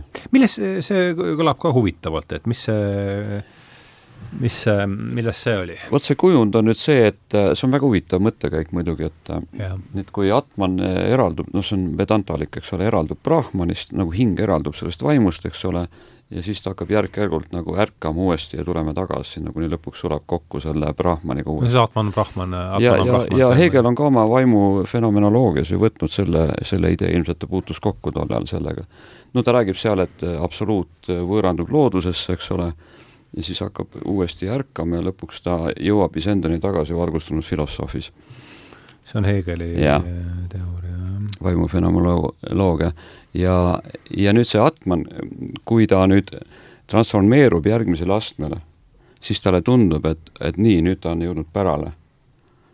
et, et see ongi see valgustatus ja see on see kauaoodatud õndsus, eks ole. ja nüüd ta hakkab seda läbi töötama, seda horisontaalset tasandit ehk transleerima ja mingi aeg transleerib, seal on, ütleme, mina eristan seal, ütleme, kolme faasi, algul on kõik jube huvitav ja põnev, siis hakkab tasapisi vaibuma see huvi ja siis hakkab nagu ammenduma. ja vot millal inimene on õpetatav, eks ole, mõjutatav, just selles, kui tal tekib uus arengukriis mm -hmm. ja sa pakud talle järgmist tasandit, siis ta otsib seda järgmist ja, tasandit ja siis ta tänuga võtab selle vastu. ja nüüd ta avastab järjekord, järjekordne transformatsioon, jälle sama asi jälle Atman tunneb, et oi, nüüd ma olen päral, et see eelmine ei olnud, eks ole, nüüd on. ja niimoodi läbi noh, ütleme kas viie põhiastme või seal on kolmteist põhiastet isegi kõik lühiloos, eks ju, äh, kuni ta lõpuks jõuab siis tõeliselt Brahmanini. aga see Atmani projekt, projekt on nagu järjest vähenev enesepettus. mina olen niimoodi nagu mõistnud seda. see on järjest rohkem enesest teadlikuks saanud. jah, järjest rohkem, järjest väiksem enesepettus, jah. et äh, alateadvusest toomine teadvusesse. jah ja maailma tajumine võimalikult objektiivselt ja täpselt. maailm ei ole see, nagu me seda ette kujutame, vaid maailm on nii, nagu ta tegelikult on. et me tahame, tahame maailma panna oma mõtteraamistikku, et mitte oma mingisuguseid sisemisi mõtteid muuta ja mitte arvamusi ja, ja ettekujutusi muuta. me püüame nagu maailma pigem mõjutada, aga eesmärk on tegelikult muuta enda eh, maailmataju, kui see on nagu ekslik. nojah, et tajuda ära need seaduspärad, looduslikud spirituaalsed seadused nii-öelda, mis toimivad ja, ja sätid ennast nende järgi, mitte vastupidi, eks ju. ja ta heidabki postmodernina noh, New Age'ile sealjuures ette, et et see suhtelisus, et igalühel võib olla oma arvamus, tal on täielik õigus selleks, siis ta toob näite seal, et mitte kunagi ei jõuta nagu millegi nagu väljundini. et, et parim, mida saab teha, et no tehakse mingi jutupulga ring, ütleme, et igaüks saab oma emotsioonid ja mõtted välja öelda, et, et, et sellega on kõik korras, kui kõik said öelda välja aga see, et jõuda mingile konsensusele, see on täiesti võimatu. see on järgmine tasand, kus otsitakse konsensust. ja, ja, ja seda seal nagu ei ole, et noh, vähemalt tema kriitilise pilgu läbi. aga kas sa mäletad ka, mis siis, mis oli see koht, et ohoh, et näed, nüüd on, nüüd see on see, mis või et et see kõiksuse lähi lühi... no ma, ma mäletan ühte niisugust mõtet, ma nüüd püüan selle sõnastada, mis mind kindlasti väga puudutas, oli see, et kui me liigume nagu järgmisele tasandile Äh, siis me äh, võtame eelmise tasandi nii-öelda eelmise tasandi kõik need head asjad ja, ja ei mäleta enam halbu või mõte on nagu selles, et, et nagu ka praegu, et kui vaadata nagu noh, sotsialismi, eks ole mm, -hmm. siis mhm. hakatakse meenutama seda, mis seal nagu head oli, aga need halvad on nagu, nagu kõrvale jäänud see oli üks, üks niisugune mõttekäik ja teine, mis tal mind puudutas, oli see, et kuna inimesed on erineval moraalsel, eetilisel, vaimsel, spirituaalsel tasandil, igaüks arenevad nii-öelda oma, oma liini pidi, nii nagu ka füüsiline tasand, siis praegusel hetkel eh, on siis olukord see, ütleme nii, et relvade väljatöötamisel eeldab see teatavat eetilist tasandit, et sa oled valmis üldse töötama välja mingi relva, mis tähendab seda, inimene, kes seda välja töötab, töötab selle, noh, peaks töötama välja nagu ka dünamiidi puhul, eks ole, heal eesmärgil mm. -hmm. aga praegu on jõutud sinna, kus on vaimselt ja moraalselt madalamat tasandit saanud kätte tehnikad, milleni nad ise poleks nagu jõudnud et piltlikult seitsmeteistkümnenda sajandi vaimsel tasandil olevad terroristid kasutavad kahekümne esimese sajandi relvi on võimalik neil kasutada, mis on mhm. siis nii-öelda kogu selle maailma tasakaalust välja löönud. et ja. see oli mind ka nagu puudutas. tal olid mitmed niisugused üksikud mõtted, kus sa järsku vaatad, et kuidas ta on selle niimoodi ära sõnastanud mm. -hmm. ma olen selle peale mõelnud ka, et kui siin seitsmeteistkümnenda sajandi usu, ususõdade ajal oleks neil olnud tuumarelvad äh, ja. käes, siis tõenäoliselt oleks siin kaunis äh, vagana lugu praegu. jah mm ei tea muidugi, aga eks no teine asi on see äh, metslase ülistamine või, või kuidas see mõistepaar on, et Rousseau oli niisugune loodusrahvad ja vaat kui jätkusuutlikud nad olid, kui loodushoidlikud, aga aga neil ei olnud selliseid tehnoloogiaid käes, et me ei saa nagu selles, neil ei olnud neid võimendusi käes mm. -hmm. et tegelikult noh, nüüd me teame, et, et mõned hõimud või suguharud või elasid väga nagu kuidagi reostavalt ja hooletult, eks ole, oma keskkonnas ja, ja võib, võib, jah, võib öelda nii, et need, kui siis Ameerikasse nii-öelda inimesed jõudsid, eks ole, siis ikkagi kuskilt see kolmkümmend, nelikümmend tuhat aastat tagasi mm. kõik suured imetajad, nad ikkagi sõid ära ja suretasid välja seal mm -hmm. nii-öelda selle ajaga. aga neil ei olnud võimalust kogu maakera õhku lasta Neil ei olnud tuumapommi, eks et see on nüüd siis praegusel hetkel tulnud see tundub niisugune jällegi teiselt poolt niisugune valge rassi, eks ole, seksism või niisugune nagu noh, rassism, eks ole mm. -hmm. noh, suured piisonikarjad ju olid, eks ole, et valged tulid ja need, need lasti siis maha, eks ole. aga noh, mulle õudselt meeldisid omal ajal need nahksuka jutud.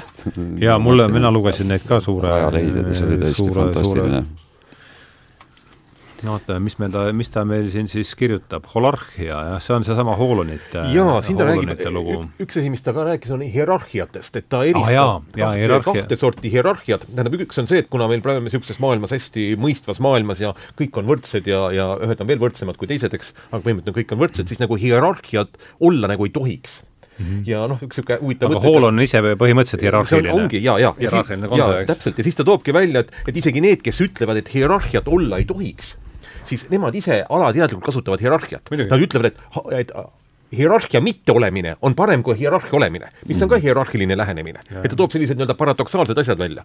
aga hierarhiate puhul on kahte sorti hierarhiad. ühed on olemas tõesti nii-öelda, ma nimetaks patoloogilised hierarhiad, need on võimuhierarhiad, kus siis nii-öelda võimu, võim pöördub oma all olevate üksuste poole, noh, sõda, sõjavägi on kõige lihtsam, eks ole, kus pannakse inimene tegema seda, mis ei ole tema loomulik olek ja mida ta muidu nagu ei teeks. see on nii-öelda mhm. võimuhierarhia, kaasa ka nii-öelda valitsus ja kõik, eks ole, mhm. noh, me kanname nagu maski, eks ole, ja siis, kui me noh, milleks, miks me seda kanname, eks ole, võim ütleb niimoodi, see on võimuhierarhia jõuga tegutsemine. ja teine on arenguhierarhia mis siis nii-öelda alates amööbidest kuni siis nii-öelda hulkrakseteni ja inimesteni ja ühiskonnani ja nii-öelda, nii-öelda kuni kosmoseni välja, et et arengulised hierarhiad on noh, tema jaoks nagu normaalsed, noh, et, et see ongi nagu maailm koosnebki arengulistest hierarhiatest mm. -hmm. aga tegelema peaks nii-öelda patoloogiliste hierarhiate parandamisega. ja need on kõik ühte patta pandud. kuna patoloogiline hierarhia ei ole inimese huvides, siis on ka nii-öelda arenguline hierarhia nagu välja visatud. ja seda ta heidab ette ka postmodernile, et, et hea küll, võimuhierarhial töödi mättasse, aga koos äh, pesuveega visati ka kasvuhierarhiat jah, see tuli sellest Trumpi raamatust ja. välja, mis ma ka et kui me ikkagi New Age'i vaatleme, siis see on noh, omamoodi selline kvaasiteadus või kvaasipraktika või niisugune noh, äh, suht pealispinne võrreldes klassikalise teaduse ja filosoofia ja kõige sellega, eks ju mm. -hmm et põlve otsas tehakse ja leiutakse mingeid jalgrattad, mis on noh, emotsionaalsed, mis on, kõlavad vastu emotsionaalsetes hõimudes, eks ole, mille najal saab justkui midagi õppida. ja minu jaoks ikkagi nüüd ütleme, see mindfulness äh, liikumine on nüüd äh, esimene samm New Age'is, äh, mis läheb juba tõsisesse sellisesse enesearengusse sisse. et me võtame selle teadvelolu noh, fenomeni, teadvelolu tunnistaja teadlikkuse, eks ole, ja, ja see ei ole enam minu jaoks illusoorne muidu me võime käia kursuselt kursusele, ilma et midagi noh, nagu muutuks meis, eks ole. aga ma usun, et see on nüüd üks see asi, mis, mis hakkab inimesi ka tõeliselt muutma. No see teadvus ja teadlikkus on nüüd see, mida ikkagi ju teadus aktsepteerib, tähendab, et ikkagi teadvust, noh, me ei saa nagu eitada. ja ütleme, see nii-öelda eh, mindfulnessi puhul on siis eh, puudu sellised esoteerilised terminid, kus siis on nii-öelda inimestele arusaadavas keeles, et ma olen teadlik, ma jälgin midagi ja ma olen kogu tähelepanuga selle asja juures. Ja see on tema jaoks väga okei. okay aga see ongi tegelikkuses nii-öelda ka vaimse arengu alus. ma mäletan, vist oli Vladimir Levil oli see raamat, ütles, et võib-olla aitab kaasa see, et kui sa vaatad oma näppu ja keskendud oma näpule minut aega, kuni sa tunned seal nii-öelda pulssi, et see mm -hmm. võib olla nii-öelda esimeseks nii-öelda läbimurdeks nii-öelda mingisse ajulisse mm -hmm. maailma. ja noh, teine asi on see vipassanalik teadvelolu, et mul on see kõrvaltvaate on olemas ja see loob nagu mäng, mängulisuse võimaluse, eks ole, nii mhm. emotsionaalsel, äh, mentaalsel kui ka siis kehalisel tasandil no me räägime ikkagi nüüd nendest tehnikatest, mis siis võimaldavad seda esimest kvadranti või kuidas ma tahtsin ka paras jah, esimest kvadranti. individuaalne ja sise mingit mm. esimese kogemus kuidagi struktureerida nagu, nagu kõrgemale jõuda. ja sealtkaudu siis ka teist alumist sisemist kultuuri, ühiseid väärtusi, et me loome ikkagi uut subkultuuri, eks ole, vaimsemat, spirituaalsemat, teadlikumat. ütleme nii, et ega inimkonna areng ei ole ju lõppenud et inimkond on ka kindlasti minemas järgmisse kohta ja minu jaoks isik küll on praegu, et inimkond on kuskil puberteedieas, kaheteist-kolmeteistaastane, et meeldib sõjamänge mängida ja, ja nüüd siin eh, heidutaks kedagi ja ähvardaks ja hirmutaks, aga noh, see on ju tegelikult alles nii-öelda lapse tasand ja ka inimkond hakkab minu mm, -hmm. peaks mingil hetkel jõudma nagu järgmisse tasandisse. ja isegi need tippkogemused, kui Vilber ütleb, et ta ütleb, et see mitteduaalne mm, müstitsism et see on senine kõrgeim inimkonna müstikute kogemus ja sealt läheb edasi mm. -hmm. aga no mis edasi läheb, seda me veel ei tea. et midagi sealt idaneb, aga me ei, me ei tunne veel ära, eks ole mm. -hmm. see on huvitav, ma praegu just hakkasin selle peale mõtlema, et jah, et kui vaadata kas või seda saatesarja ja, ja, ja oma tegevust, et mis see on see hoovus, laiem hoovus, mis seda kannab, et siis see on ilmselt niisugune kart-, antikartesiaanlik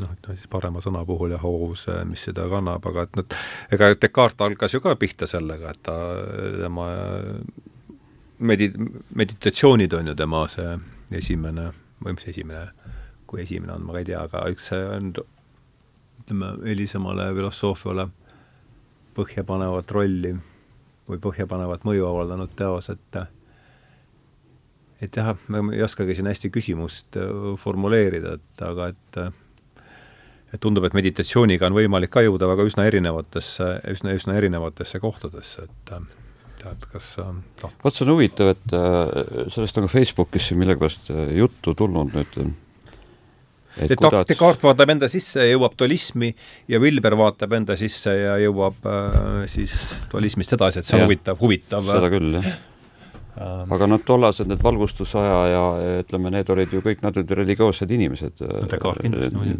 selles kontekstis, eks ole, käis see kõik ja Just hiljem see kuidagi teadus nagu eraldus sellise ja. modernsena, välisena täiesti.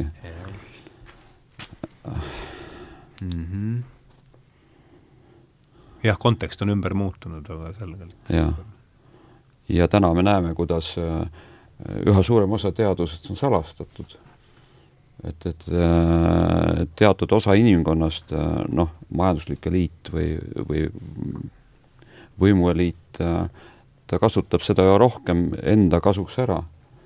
ja, ja ei, seda ei lasta käiku nüüd kõigi kasuks, ütleme niimoodi, et see ei ole lihtsalt kasulik et meil on võib-olla ammu võib-olla mingid energiaallikad, mille patendid on äh, ära ostetud või, või lihtsalt kuidagi mm, survestatult äh, suletud, eks ole, ja me jätkame, eks ole, fossiilsete kütuste äh, noh, kasutamist ja nii edasi.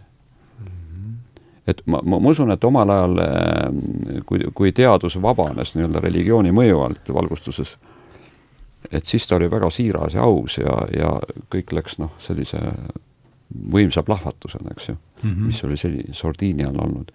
Ja see, see, see läks nagu kõigile hüvanguks, eks ju nojah, nüüd on ta mingis mõttes ise äh, muutunud de facto, äh, de facto kirikuks ja,. jah, jah, nüüd ta on scientism juba, eks ole, jah.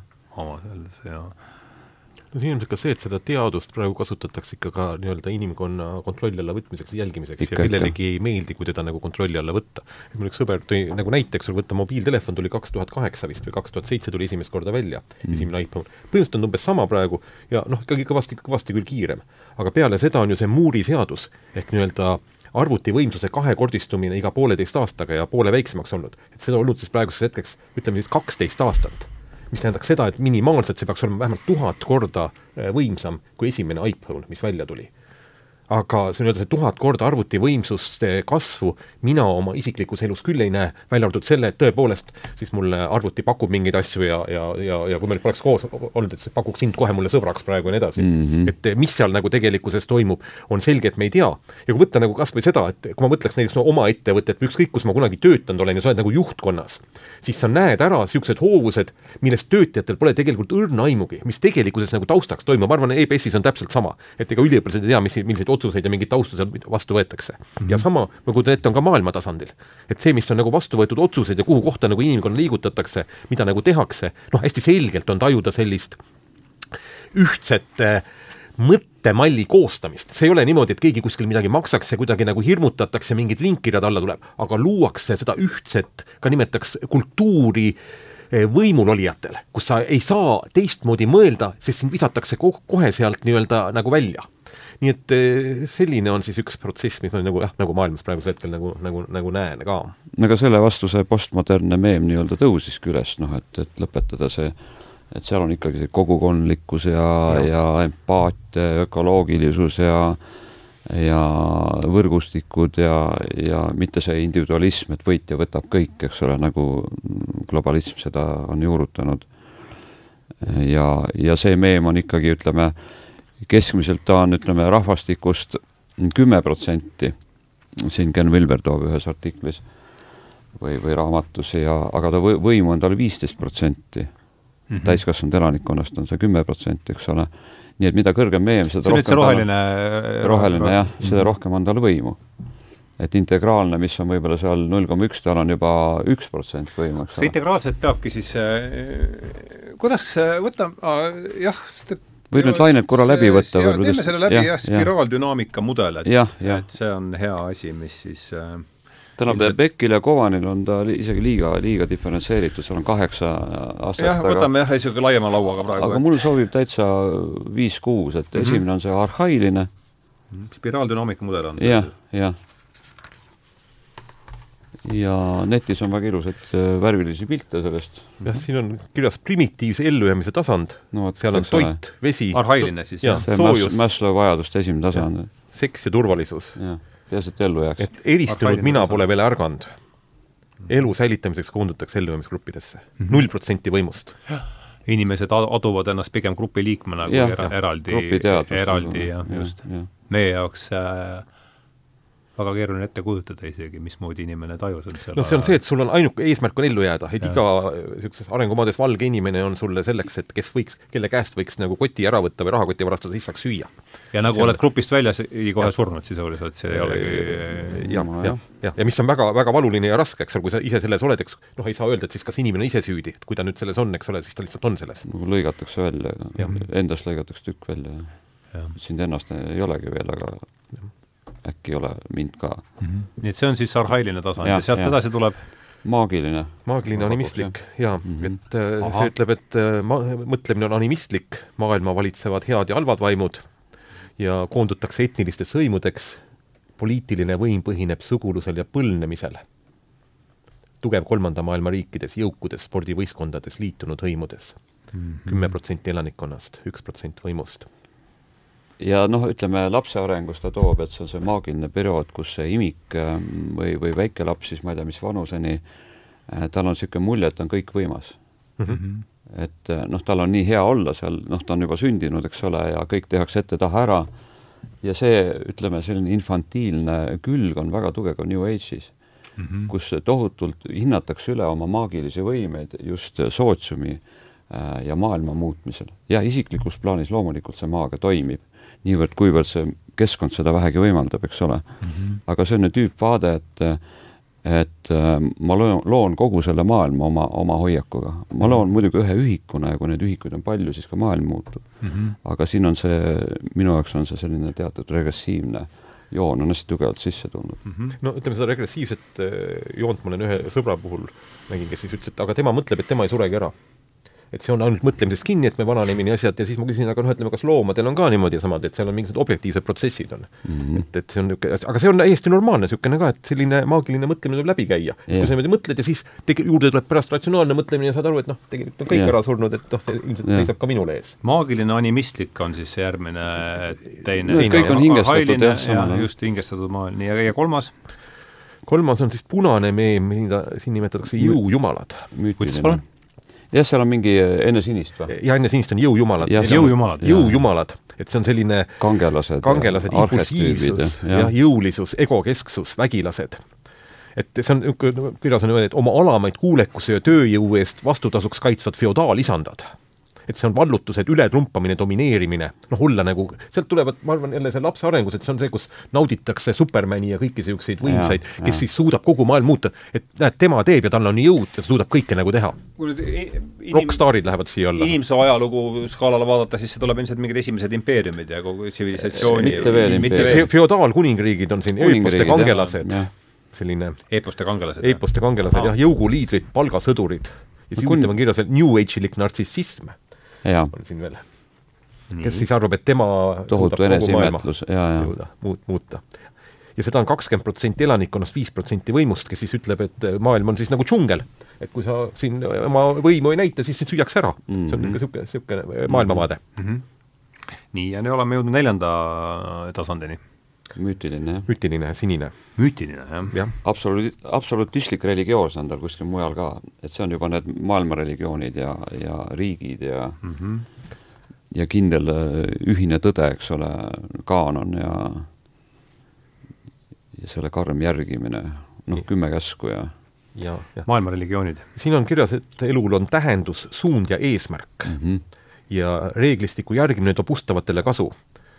Ja normistiku rikkumise tagajärjed on jälle rasked, et kõik on nagu hea ja halva printsiipidel ja üks ja ainus õige mõtlemisviis kõigi jaoks. et monoteism tuleb ilmselt seal, põhimõtteliselt, jah, kuulekus korra suhtes ja väga konformistlik.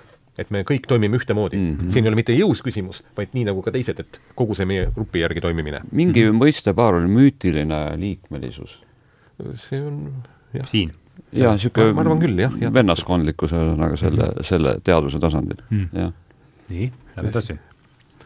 viies. viies on oranž ja teaduslikud saavutused. maailm on ratsionaalne ja hästi õlitatud masinavärk, mida valitsevad loodusseadused.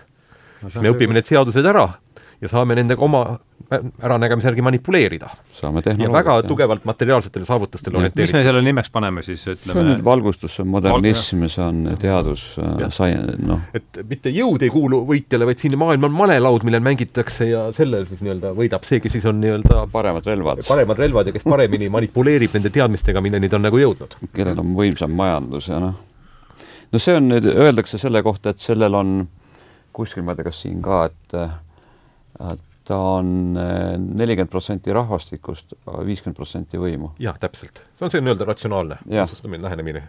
et teeme nii ja teeme teisiti ja jah, paneme nii, paneme piirangud peale siin ja, ja kuus nüüd ongi siis postmodernism juba? Kuues on ei, siin on nüüd rohkem liigendus, kui ma enne kuues on roheline ehk tundlik mina. et peale seda, kui Aha. sa oled nii-öelda selle materiaalsega ja hästi õlitud masinavärgiga nagu hakkama saanud, siis saad järsku aru, et midagi on enamat. no aga näed, täitsa loogika on seal olemas selles jutus. ja siis on, seal on see ühisus ja inimlik side.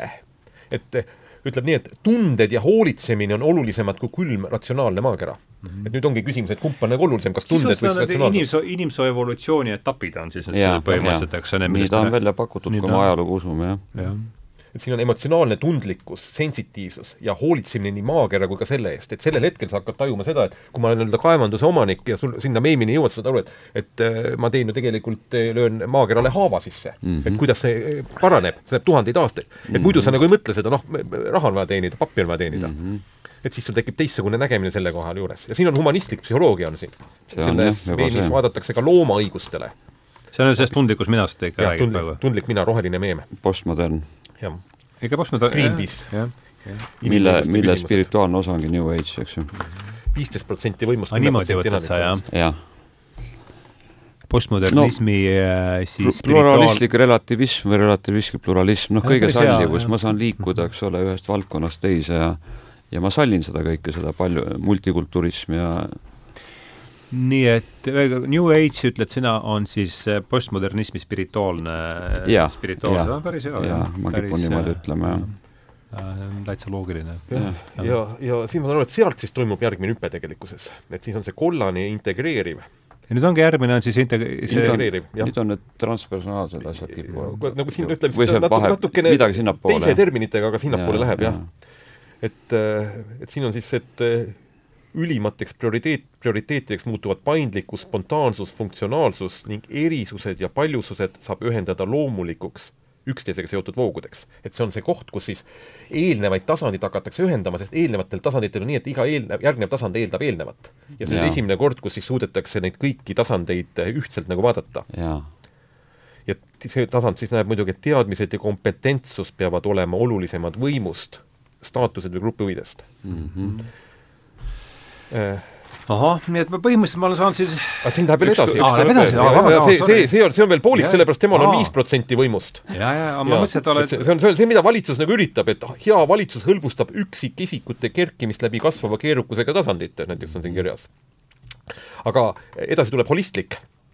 holistliku puhul on siis terminiks ühendab tunded teadmistega järelikult eelmises veel ei ühendanud. ei, eelmises ei ühendanud veel eel, eel, mina saan aru, see eelmises on see, et kus on nagu ära õpitud, et see on kasulik mm -hmm.. noh, nii-öelda, et kui, kui nagu ütleme, Merkel ütleb, et võtame pagulased vastu, siis selles on olemas väga ilus mõttetaust seal mm. -hmm. aga ta ei tee mitte sellepärast, et ta oleks ise sellel kõrgemal tasandil ja nii-öelda armastuse tasandil, vaid mm -hmm. ta saab aru, et poliitiliselt on seda kasulik nagu öelda. Need on nagu eri, erinevad kohad. Äh, et mul nüüd oleks, viis oli valgustus ja modernism, kuus oli tundlik mina, mis edasi? seitse oli integreeriv. ahah ja kaheksas on holistlik. aa, nüüd on selge. holistlik tähendab seda, et ta näeb kõiki erinevaid tasandeid, avastab harmooniaid, müstilisi jõudusid, noh, ütleme eelmine tasand siis müstikat ei taha ilmselt tunnistada ikkagi. No,. aga noh, müstiline jõud ongi selline no, see on, juba... see on, läbi aegade olnud ja ta jääb ja. ka edaspidi lihtsalt, kes sellega kokku puutuvad, puutuvad.. see on juba transpersonaalne, kui müstilised jõud tulevad sisse.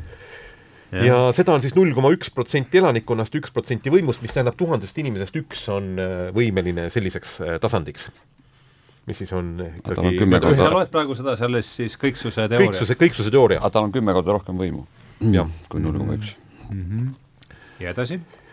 Läheb see edasi, või? Äh, see on siis, ongi teise astme teadus, et siin on, sellega läheb kokku siis transpersonaalse psühholoogia kasv, kaose ja kompleksi teooriaid, integraalne holistlik süntee-, süsteemne mõtlemine, inimestest on siia pandud Indira Gandhi ja Mand-, aga ah, seal on inimeste näi-, näitajad ka, jah? ja, ja, ja. Mm -hmm aga siit on kirjas, et ees ootavad veel kõrgemad meemid ja, ja siis see on siis juba need neli tasandit mm, -hmm. et kui sa vaatad äh, mäge ja järsku oled mäega üks, sind mhm. ennast enam ei ole, või siis varsti polegi enam seda vaatlejat, et noh, kõrgemad tasandid on see, kus sind ennast nagu ennem ikkagi ei olegi, ütleme kõige kõrgemad, ma saan aru, absoluutses sellises tasandis mm. -hmm. et äh, ja sellega on siis nii-öelda hästi tugev muidugi subjektiivsed heaolutunded.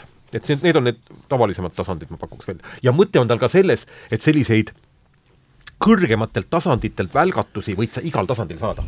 et mitte, aga lihtsalt küsimus on veel sinu enda, nimetame gravitatsioonikese, et kus sinu enda keskmine teadvus on ja ka ühiskonna keskmine teadvus.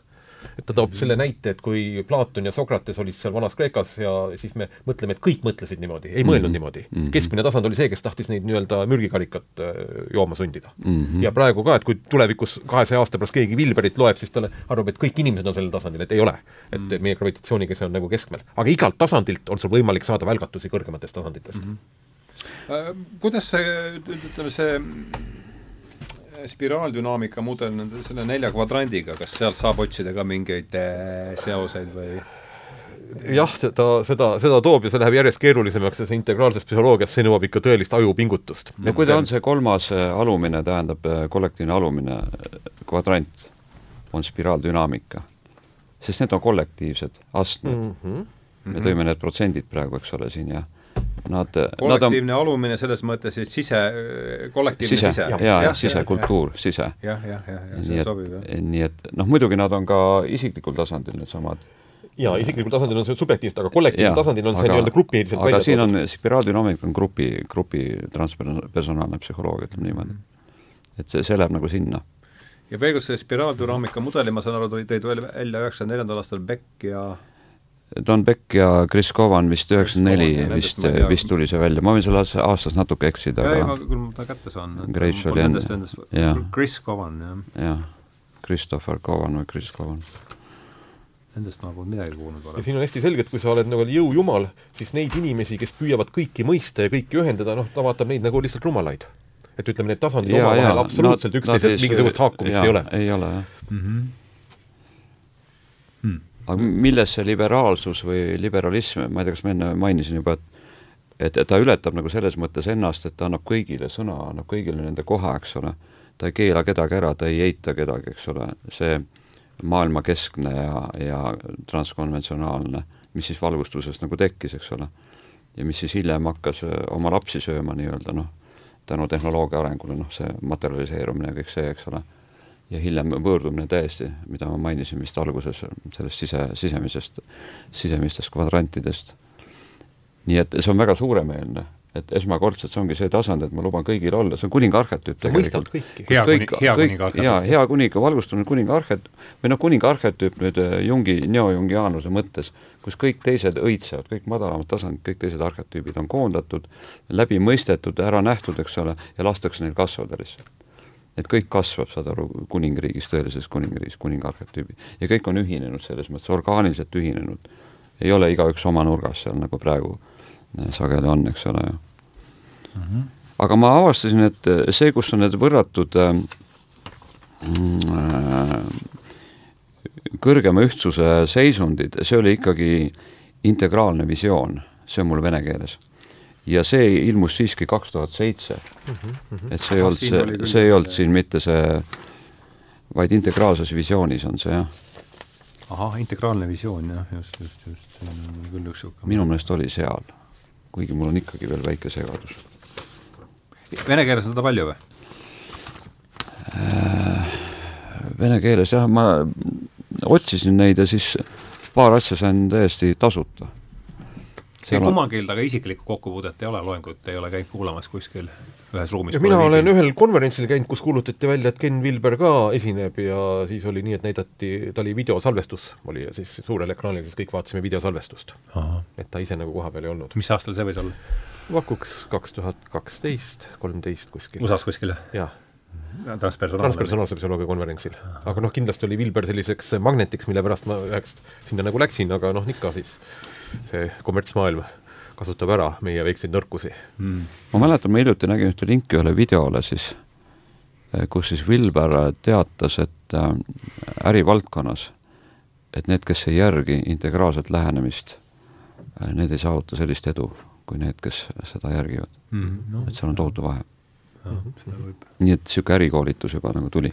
aga minu jaoks on, võib-olla räägiks ka selleks nüüd, et, et kannatuse põhjuseks on nüüd need piirid, mis meil tekivad mm. -hmm. alates siis noh, kui tekib meie mina, eks ole, seal mingi teise eluaasta lõpuks ja, ja sealt edasi.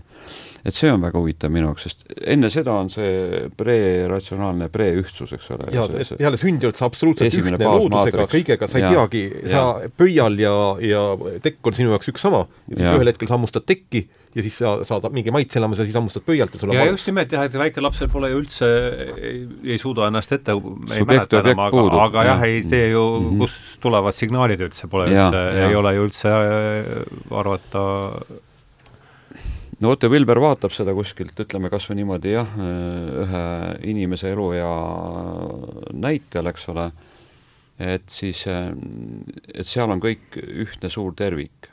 Tõsi, ta ei ole see transtervik, ta on see pretervik, eks ole. et ta ei ole see taevas, ta on see paradiis, noh, mina olen pannud sellised nimed nendele -hmm. et et paradiis äh, äh, puhastus tuli äh, ja taevas, oota, mis seal vahel oli veel põrgut üle või? äh,? ei, vabandust, jah äh,. Ja, ja paradiis äh, siis, kui see mm, surutakse vastu emaka kaela, loode, see on põrgu, eks ole, seal on kohutavad hirmud ja väljapääsmatus, siis tuleb see puhastustuli. no see on juba krohvi, see on see on krohvi jah, see on krommi, mis, millest teil saade oli ka. jah, jah, jah. ja, ja lõpus, kui ta tuleb välja, siis on taevas, eks ole, et need, need kogemused antakse kõik nagu ette juba sünniprotsessis Mm -hmm. et hiljem me võime müstilise kogemuse siis leida siis tunneme ära. aga samas jällegi, ma saan aru, Vilber selle pre-, prenataalse poolega ei, see oli põhiline, mis seda krohvist eristas ja mulle jäi meelde. et äh, jah, neid ta oma kaanonisse sisse ei pannud, no noh. mina arvan seda, et ta ei, ei ole teinud lihtsalt holotroopse hingamise seanssi ja vabastava Mhm. hingamise seanssi, et, et kui sa nagu, ja tal on Mhm. need ko- kogemused puudu. Mm -hmm. arvad tõesti, arvad tõesti, et ei ole? ja nii nagu no, no, Jung ütles, et tema ei ole endas Oidipuse kompleksi mitte kuskil nagu märganud, et soovi oma isa nagu ära tappa, et tal ei ole seda lihtsalt et see, on nagu Freudi, Freudi teema, eks ole. ja ma arvan, et seal on vastavad kogemused, et selle, see on nagu kõrvale Mhm. jäetud. Et äh, Vilberil hakkab siis sellest, siin on see sensomotoorne periood, null kuni kaks aastat nimetab ta seda, kus siis on nii-öelda noh, ütleme sensis, eks ole, meeleorganid Jah. ja liigutused ja siis sa hakkad neid integreerima ja aru saama, mida sa teed, eks ole, seal on hästi läbi töötatud jah, need tüfoonsed, europoolsed ja igasugused. See, see, see on muidugi täiesti õudne, kuidas nad oma neid nimesid panevad, ma mõtlesin ka, et ärme jumala eest neid täna neid nimesid kasuta. hiljem ta juba lihtsustab, ta et- müüb rohkem oma raamatuid, tal tulevad juba harjutused ja hästi lihtsaks on tehtud kõik, et need on väga keerulised raamatud tegelikult. aga ma ei tea, mul on siin üks, ka üks esimesi, mis ma tema kohta nägin, see nii-öelda kümnetasandiline arengukäik, et ma võib-olla need kiirelt jaa. räägin nagu Jaa. ära, saame nende juurde nagu arutada, et esimene oli siis sama, eks ole, null, sünnist kuni kahe aastani, kus siis oota, see on nii-öelda nüüd mis asi täpselt? see on, see on kümnetasandiline inimese psühholoogilise arengu skeem ahah, ma ma noh, tegelikult nad räägivad jälle samast asjast, eks ole, ta on nagu seesama spiraaldünaamika, aga natukene teise koha pealt Ja, ja, spiraaldünaamika oli kollektiivile viidud, aga siin Jaa. on praegu indiviidile kümnetasandiline indiviidi psühholoogilise arengu psühholoogi-, psühholoogilise arengu skeem. Et esimene on siis eh, sünnist kahe aastani, ta nimetab seda sensomotoorseks perioodiks, kus siis refleksidest hakkavad kujunema niisugused meie liigutuste ja, ja meeleorganite poolt nii-öelda selged arusaadavad skeemid. ja sealt hakkab tekkima taju. nii-öelda me hakkame nagu tajuma mingit asja, et see asi on see. noh, ja esialgu see, see periood on kõige olulisem, on oraalne, et kogu maailma taju, eriti algselt, on siis läbi eh, eh, suu ja nii-öelda keele, et sa lihtsalt maitsed. läbi lutsutamise. Ja kõik topitakse suhu. jaa nii, null kuni kaks ja teine on? teine on eh, nii-öelda operatsioonide eelne periood, nimetab ta, teisest kuni neljanda eluaastani, kus sa hakkad Operatsioonide- operatsioonide eelne, et sa ei tee veel nii-öelda, sa hakkad aru, sümbolid hakkavad tekkima juba ja nii-öelda esemilised konkreetsed asjad sul hakkavad tekkima, et see on laud, see on tool mm, -hmm. aga sa ei oska veel nendega nagu opereerida. et see on nii-öelda konkreetse mõtmelise, mõt-, mõtlemise periood. Ja sellel perioodil on ka see nii-öelda üldistamine, et noh, näiteks kõik karvased asjad on mõmmid mm. -hmm. aga sellist nii-öelda opereerimist ei ole ja see on veel see periood, kus näiteks laps tunneb ära värvid väga hästi, aga kui sa näitad talle näiteks palli, et eh, üm- ümmargune pall, mis ühelt poolt on sinine, teiselt poolt on punane, ja näiteks näitad lapsele palli, tema pool on sinine, küsid, mis värvi sa näed, laps ütleb sinine ja küsid, aga mis värvi mina näen? Noh, ta peaks pöörama, eks ole, minu olukord ütlema punane, siis ütleb, et sina näed ka sinist. et sul on või operatsioonidega võimetus puudus, soovitan, kellel on sellises vanuses laps, võib proovida kas niisugust. seda Piaget'ga kuidagi hakkab see Absoluutselt. äh, see on jah, Piaget peeg-, peeglist vaatamine ka, et Jah. sa ei saa aru, et kas äh, see on keegi teine või see olen mina või mm. Mhm. Piaget'le ta väga palju toetuski. ja ma kõik, kõik tundub, et arenguteoreetikud on ta läbi käinud. jah, niimoodi no need on personaalse personaalse arengu korüfeed, eks ole, see osa. Nii, aga läheme edasi, kolmas, kolmas. on, nimetab ta intuitiivse mõtlemise periood neljandast kuni seitsmenda aastani. et siis hakkad esimest korda nii-öelda üldistama teadmisi objektide kohta ja ka nende kohta, millega sa pole ise kokku puutunud. ja see intuitiivse mõtlemise periood minu jaoks eh, läheb kokku siis nii-öelda ajulainetest teetalainetega ka, mis on neli kuni seitse hertsi, mis on seotud erakordse loovusega. Neli kuni seitse aastat. ta mm. opereerib küll kõiki võim võimalike mõistete ja asjadega ja see võtab siin Vildika ja lendab ringi, eks ole, juba on lennuk ja kui siin mõni nelja kuni seitsme aastane laps mm -hmm. oleks, ta oleks meeletu loovus, me kõik kaotame selle ära. nii et see on siis selline selline periood, kuhu me muidugi otsime ka tagasiminekut. minu arust oli see Robert Bly, kes mehe arengut või kes see kirjeldas, ütles, et see on siis see vanus, kus siis mehed kaotavad ära oma selle kuldse palli ja siis hakkavad seda eluaeg otsima ja hakkavad otsima selles vanuses nelja ja ütleme kuus, kuus kuni seitse jah, niisugune pigem, et kuldne pall kaob ära ja hakatakse otsima enamasti muidugi vastassugupooles, aga no vastassugupool on oma palli otsimisega hädas, kes ei ole ka seda nagu leidnud. nii et ka seal see niisugune huvitav vanus, sest eh, sinnamaani ju ollakse nii-öelda noh, ei ole mingit probleemi poistel ja tüdrukutel ja väga niisugune ühtsus ja terviklikkus on. nojah, kui on teetalained, mis on ju ka unenägudega unelained, eks ole ju, peaks e olema jaa, täpselt. et siis äh, Wilberil see seondub jälle ühes teises kohas, äh, just ta ütleb, need kolm põhiseisundit on meil kõigil olemas, eks ole, ärkvelolek, unenägude kuni, unenägudeta uni mm. -hmm ja, ja ah,, ja, ja, ja, ja neist tulenevad kõik need müstilised võimalused ka. ja ta ütleb, et unenägudega unes me oleme korraga materiaalsusest vaba, meie fantaasia, täpselt nagu see neljas kuni seitsme, me saame kõike teha kõik, eks ole, kõik toimub, me natukene noh, unenägu läheb, kui me veel valitseme ka natukene unenägu. mul tuleb ikka Ilona Karula meelde, kes ütleb, et et ta, ta on võimeline tekitama selgeid unenägusid ja tema rekord oli vist kuus või seitse unenägu ühe öö jooksul. Mm.. ja ta ütles, et see on tema elu kõige huvitavam, kõige põnevam aeg, ta iga päev ootab seda ööd kui ta saab minna säiklema, eks ole, kõik, kõigi võimaluste maailmadesse. oli äh, Ilona Karula, see on üks sensitiiv ja Eesti müstik minu jaoks hästi-hästi huvitav, tal on paar raamatut ilmunud mm. -hmm nii, aga lähme edasi siis ja. selle skeemiga. lihtsalt siia, mul lihtsalt tuli nagu meelde, ma toon selle nii-öelda ka välja, et neljas kuni seitsmes eluaasta, et psühholoogilised uuringud näitavad suhete puhul seda, et kui lapsed on neljandal, viiendal, kuuendal, seitsmendal vastassoost, on ülisuured sõbrad olnud, mis tähendab seda, et nad tajuvad teist inim-, teist ülimalt täpselt, siis suure tõenäosusega nendel omavahelist suhet kunagi ei teki sellepärast et omavahelise suhte puhul peab olema natuke sellist nii-öelda pinget ja asju, sest sa ei tea, mis seal taga on, et kust ta mm -hmm. nagu pärit on midagi. aga seal on teine, on sinu jaoks nagu avatud raamat, see on niisugune ülim sõprus ja läheduse suhe. et selline lihtsalt üks fakt. see neljas-seitsmes, jah? neljas kuni seitsmes nii, mis sealt järgmine tuleb? nii, ja lähme edasi, järgmine on siis eh, neljas on konkreetsete operatsioonide staadium, seitse kuni kaksteist aastat, siis tekivad pööratavad mentaalsed tegevused, et noh, see on seesama asi, et kui sa võtta see tass, eks ole, teine on niisugune piklik tass, valame vee sinna ümber, kus on nii-öelda kitsam, siis äh, laps ütleb, et enne seda, et kitsamas on vett rohkem.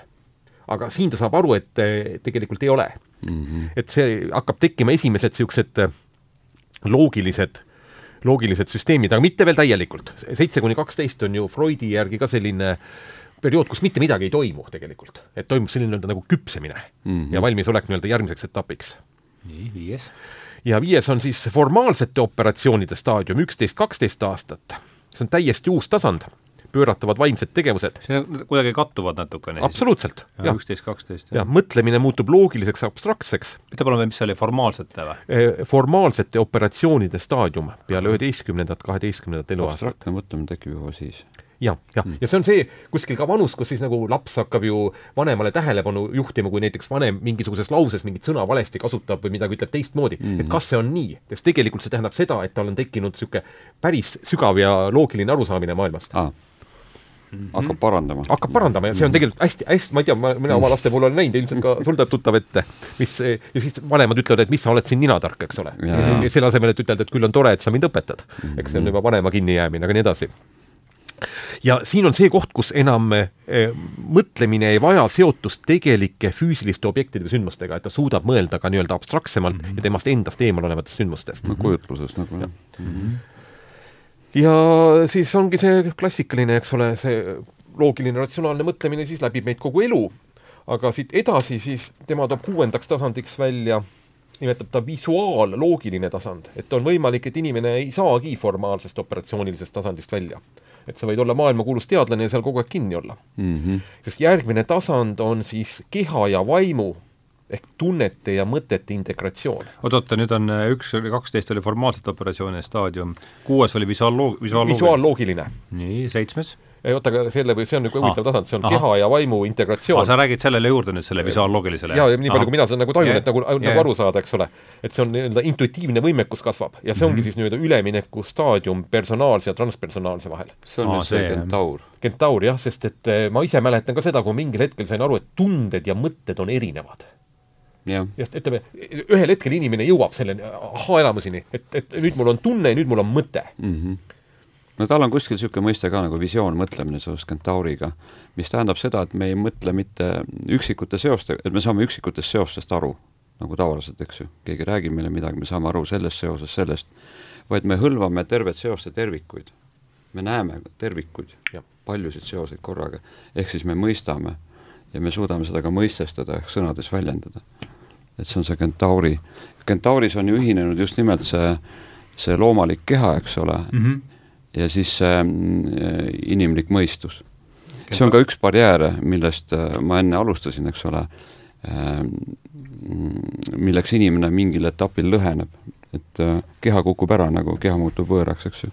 aga siin tuues, see on orgaaniline tervik, orgaaniline, terviklik organism et need eh, enda psüühikast eraldi jäänud osad, mis siis erinevatel varasematel etappidel on kõrvale jäänud ja. ja hakatakse sellel tasandil nagu uuesti nagu ühendama. noh, eelkõige ütleme, on tunded on muidugi see asi mm, -hmm, mis siis on hästi selgelt, ütleme tänapäeva ühiskonnas on siis noh, kõigil see ikkagi mm. -hmm. ja ka noh, seksuaalsus ja et need on vaja uuesti kas nagu sa mingid vanuse, selle visuaalloogilisele tasandile tuleb mingid aastaarvad ka ju või need äh, vanuselised no mina ikka ütlen, et see on ka juurde või see jääb juba niimoodi? üldiselt mina olen tähele pannud, et see on kuskil kolmkümmend viis ja kui inimesed äh, on tarvitanud äh, kiirendajaid, siis on mõnikord võimalik see kuskil kahekümne viiendast eluaastast on võimalik see nagu nii-öelda läbida mm. -hmm.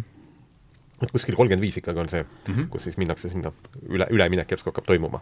nii. ja nüüd on siis need neli tasandit, nii-öelda need transpersonaalsed tasandid, et esimene siis ta nimetab psüühiline transpersonaalne tasand. et seal tekib siis nii-öelda tõeline empaatia, tundmine ja mõistmine, kus sa tajud, et sa oled kogu loodusega üks. kuidas see oli psüühiline? psüühiline transpersonaalne tasand et ma, tähendab ikkagi nendel tasanditel on hästi selge arusaamine, et kõik, mida sa teed looduses, maailmas, teed sa iseendale. et ei ole nii, et me siin tapame lihtsalt loomi ja, ja hakkab ka see taju tekkima, et mida nagu inimkond praegusel hetkel teeb oma monokultuuridega ja kogu selle nii-öelda loomakasvatamisega, mis siin nagu, mis siin nagu tegelikult maailmas toimub, et ja see on, tekitab nagu ka kannatust et saan ma nüüd õigesti aru, et sellest seitsmendast staadiumist algab siis see transpersonaalne jaa, see on siis ikkagi täiesti selgelt transpersonaalne, mis on, kus siis ületatakse hästi selgelt oma mina piirid. et see mina ei ole enam kõige olulisem.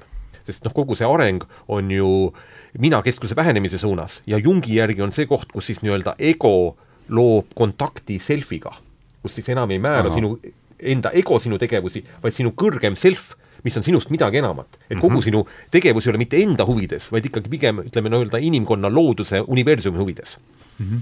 et see on nii-öelda esimene tasand mm. -hmm. ja järgmine tasand on siis, jälle nüüd lähevad need keerulised terminid, subtiilne transpersonaalne tasand wow.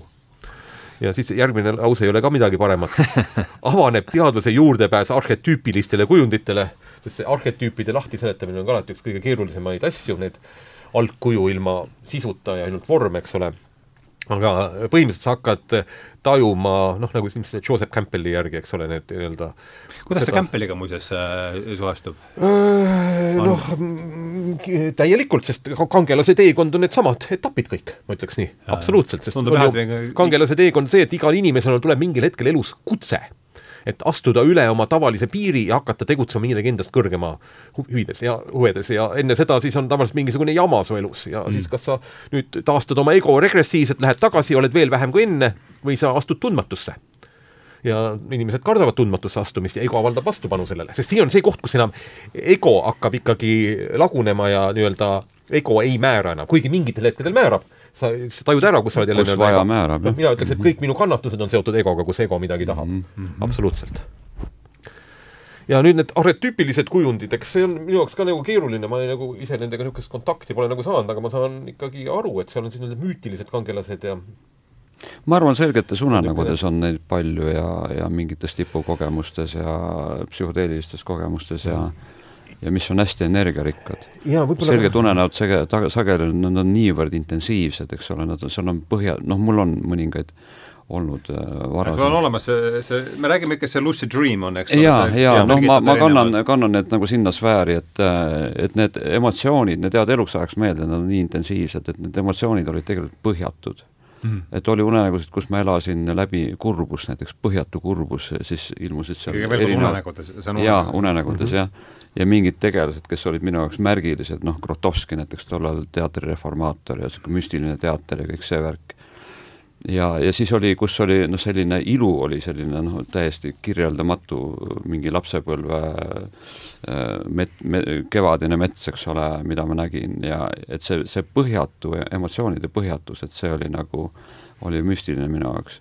Ja seda ma praegu seo-, seondan juba arhetüüpide sellise põhjatu jutu taustal. energiaga, jah, Mhm. jah.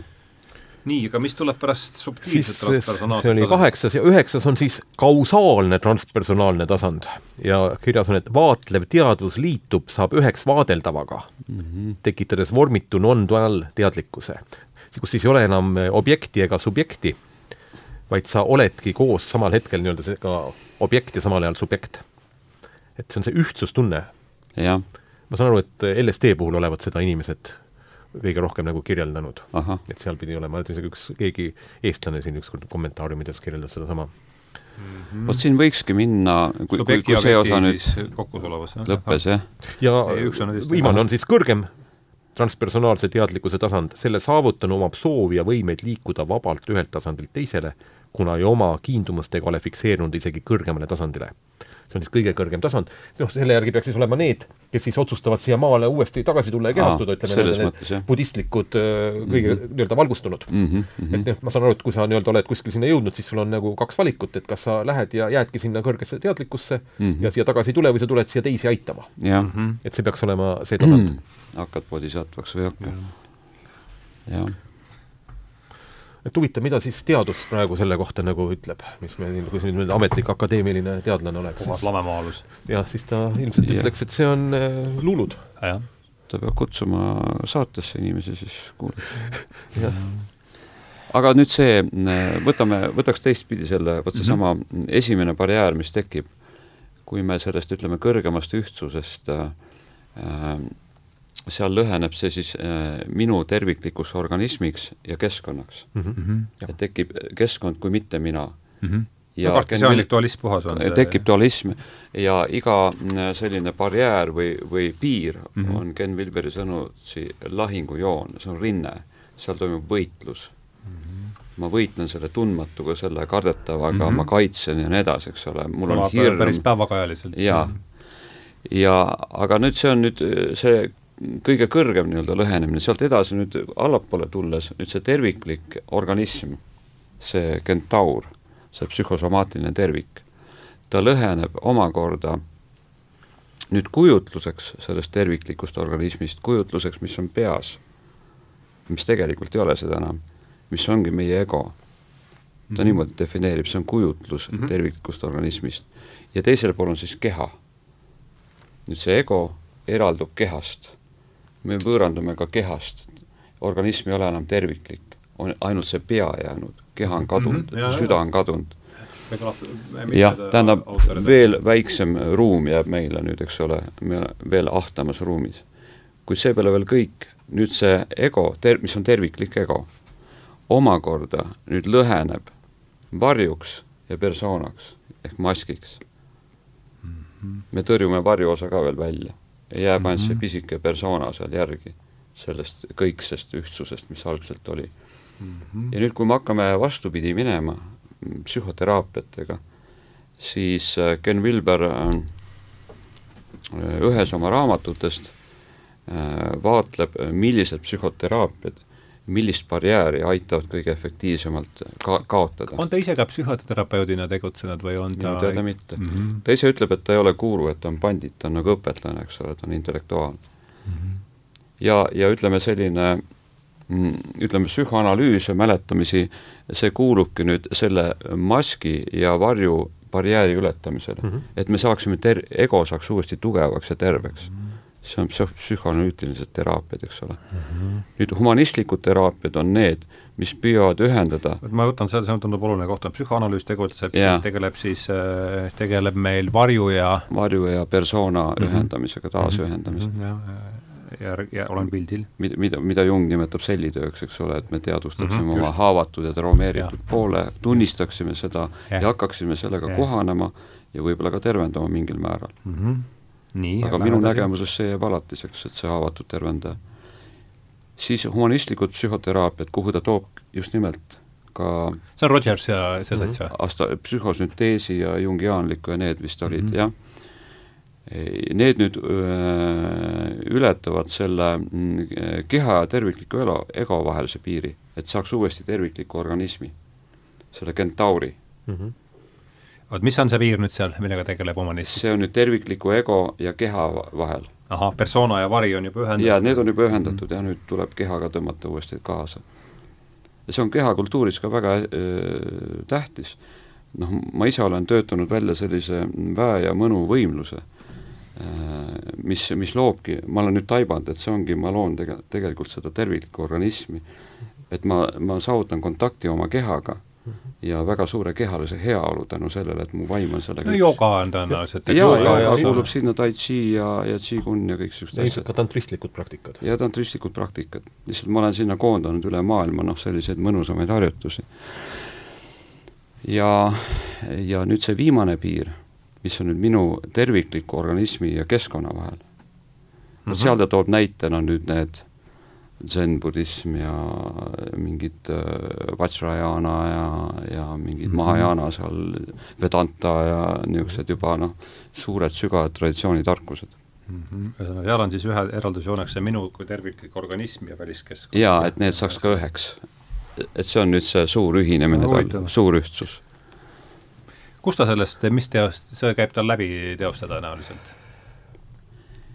Minu meelest see ikkagi, see ikkagi räägib selles, selles teises raamatus. kuskil on ta need välja toonud küll, ütleme ma praegu loen seda raamatut ja mul ei ole seda, oota ma vaatan, mul ei ole seda teksti kaasas siin. Kui ma leian, siis ma no ütlen. mina ütleks siis vahele seda, mis mulle praegu meenus, et see läheb hästi kokku selle Wilberi lähenemisega, et ühtegi etappi ei saa vahele jätta. Et kui sa ei ole endas nii-öelda seda persoonat ja varju integreerinud, siis sa ikkagi järgmisele tasandile ei jõua ja kui nii-öelda keha ja ego on ka integreerimata, siis sa võid küll saada välgatusi transpersonaalsetest tasanditest. aga noh, su areng on ikkagi seal täpselt, et nii nagu noh, nii nagu selleks, et äh, raamatut kirjutada, on vaja õppida kõigepealt ära tähed, siis sõnad, siis laused ja nii-öelda, nii-öelda igaüks eh, põhineb eelneval inimesed tahavad hüpata noh, kiiresti, eks ole. kuuekümnendate hipiliikumise üks loosungeid oli Paradise now. et meil ei ole aega sinna oodata ja jamada, et ja New Age ongi, kipubki natuke selline olema, et fast kõlab food, nagu see koel rooplaaniga natukene. No jaa, noh. et kohe elekter kahekümne aastaga kommunism ja ja. ja ma nüüd jah, see, see on ikkagi see teine raamat, tema teine raamat üldse, piiritud, piiritud ida ja lääne inimese arengu, enesearengu strateegiad, vot seal ta kirjeldab neid piire ja nende ületamist ja teises pooles, kuhu ma ei ole veel jõudnud, siis ta kirjeldab täpsemalt neid psühhoteraapiaid. ja üks asi, mis mul jäi hästi meelde, et kui algul loodeti, et meditatsioonid, eriti siis noh, meelt tühjendav ja, ja kujustav meditatsioon, mitte niivõrd see teaduselu meditatsioon, vaid need kaks, loodeti, et nad nagu aitavad nagu varju integreerida väga efektiivselt. no ta väidab Vilber ühes kohas, aga siis selgus, et ei, nad ei aita seda üldse peaaegu. et selleks on vaja psühhoteraapiaid, Mm. et nad on palju võimsamad kui need Mm. kaks meditatsiooniliiki. Nii et jah, see on siis inglise keeles on ta, see on jah, juba seitsmekümne üheksa aasta raamat, ta tõi need piirid äh, mis see, mis see raamat on? No boundary, eastern and western approaches to see personal growth, growth. No Boundary, jah. näed, siin see teine raamat on jah. Et seal ta kirjeldab hästi värvikalt neid piire ja nende ületamise teraapiaid. Ja siis kognitiivkäitumuslik teraapia läheb siis ilmselt varasematest tasanditest, kui nii-öelda mõtlemises on loogikavead ja asjad. et saada nii-öelda õigeid käitumismalle ja mõtlemisi paika panna, seal Mm. ei ole nagu küsimus tunnetest ega kehast mm. Mhm. see on juba see, et sul on nii-öelda kognitiivsed väga vead. huvitav. no et oleks ratsionaalloogiline mõtlemine, eks ju. jah, ratsionaaloogiline, et sa tajuksid maailma hästi objektiivselt Mm. mm., kirjeldaksid ega elaksid oma soovunelmates mm. -hmm, just. nii, aga üllatus-üllatus, kaks tundi on siin vahepeal märkamatult saanud täis. et on aeg siis äh, tänada teid esiteks. ja punkt kaks võib-olla lõpp, lõpuküsimuseks, et äh, on käinud siin selles saates ja ja varasemates läbi niisugune mõiste nagu peaaegu nüüd iseenesestmõistetavalt spirituaalsus ja spirituaalne, mis teie selle all üldse mõistate? et siis ähm, minu jaoks müütilisel tasandil, nagu on noh, absolutistlik religioosne meem, millest me rääkisime, suured maailma religioonid, äh, massilised maailma, massitasandil, eks ole, et seal on siis nii-öelda see müütiline jumal, mis on üsna noh, selgelt tema soovid ja piirid ja reeglid piiritletud, need raamid, eks ole, nagu me vaatasime siin seda noh, sinist ja jah, see tuli siit ja aga teine on nüüd see vaim, mis on nüüd äh, transratsionaalne, tähendab, see, see Jumal on nagu preratsionaalne, sest kui me loeme piiblit, see on nagu mingi noh, Uut Testament ja neid imetegusid, see on nagu muinasjutt, eks ju. Mm.. ta on müüt. Mm, -hmm. ta on püha lugu, ta on kangelase lugu, eks ole. aga ta ei ole veel äh, noh, psühholoogiline, loogost seal nagu ei ole mm. -hmm. see, me usume neid kujundeid, nad mõjuvad meile vahetult, eks ole, ja, ja me läheme sellega kaasa. ja, ja me saavutame neid seisundeid ja tulemusi. aga nüüd äh, see vaim, see on nüüd, äh, ületab ratsionaalset. see on mm -hmm. nüüd teisel pool seda ratsionaalset. transratsionaalne. jaa ja seal me samuti sa-, võime kasutada ka sellist sümboolset keelt, eks ole, ja siit tuleb ka see, milles äh, Ken Wilber nagu juhib tähelepanu, et me sageli need pre- ja transastmed ajame segi mm -hmm. või paneme ühte patta, kuna nad näevad ühtemoodi välja mm. -hmm. et müstiku jutt võib olla samamoodi nagu mingi noh äh,, usu fundamentalisti jutt kohati, eks ole, kuigi noh, seal on see keele, keel ka muidugi määratletud ja terminoloogia. nii et vaim on sealpool mõistust, loogiliselt-ratsionaalset mõistust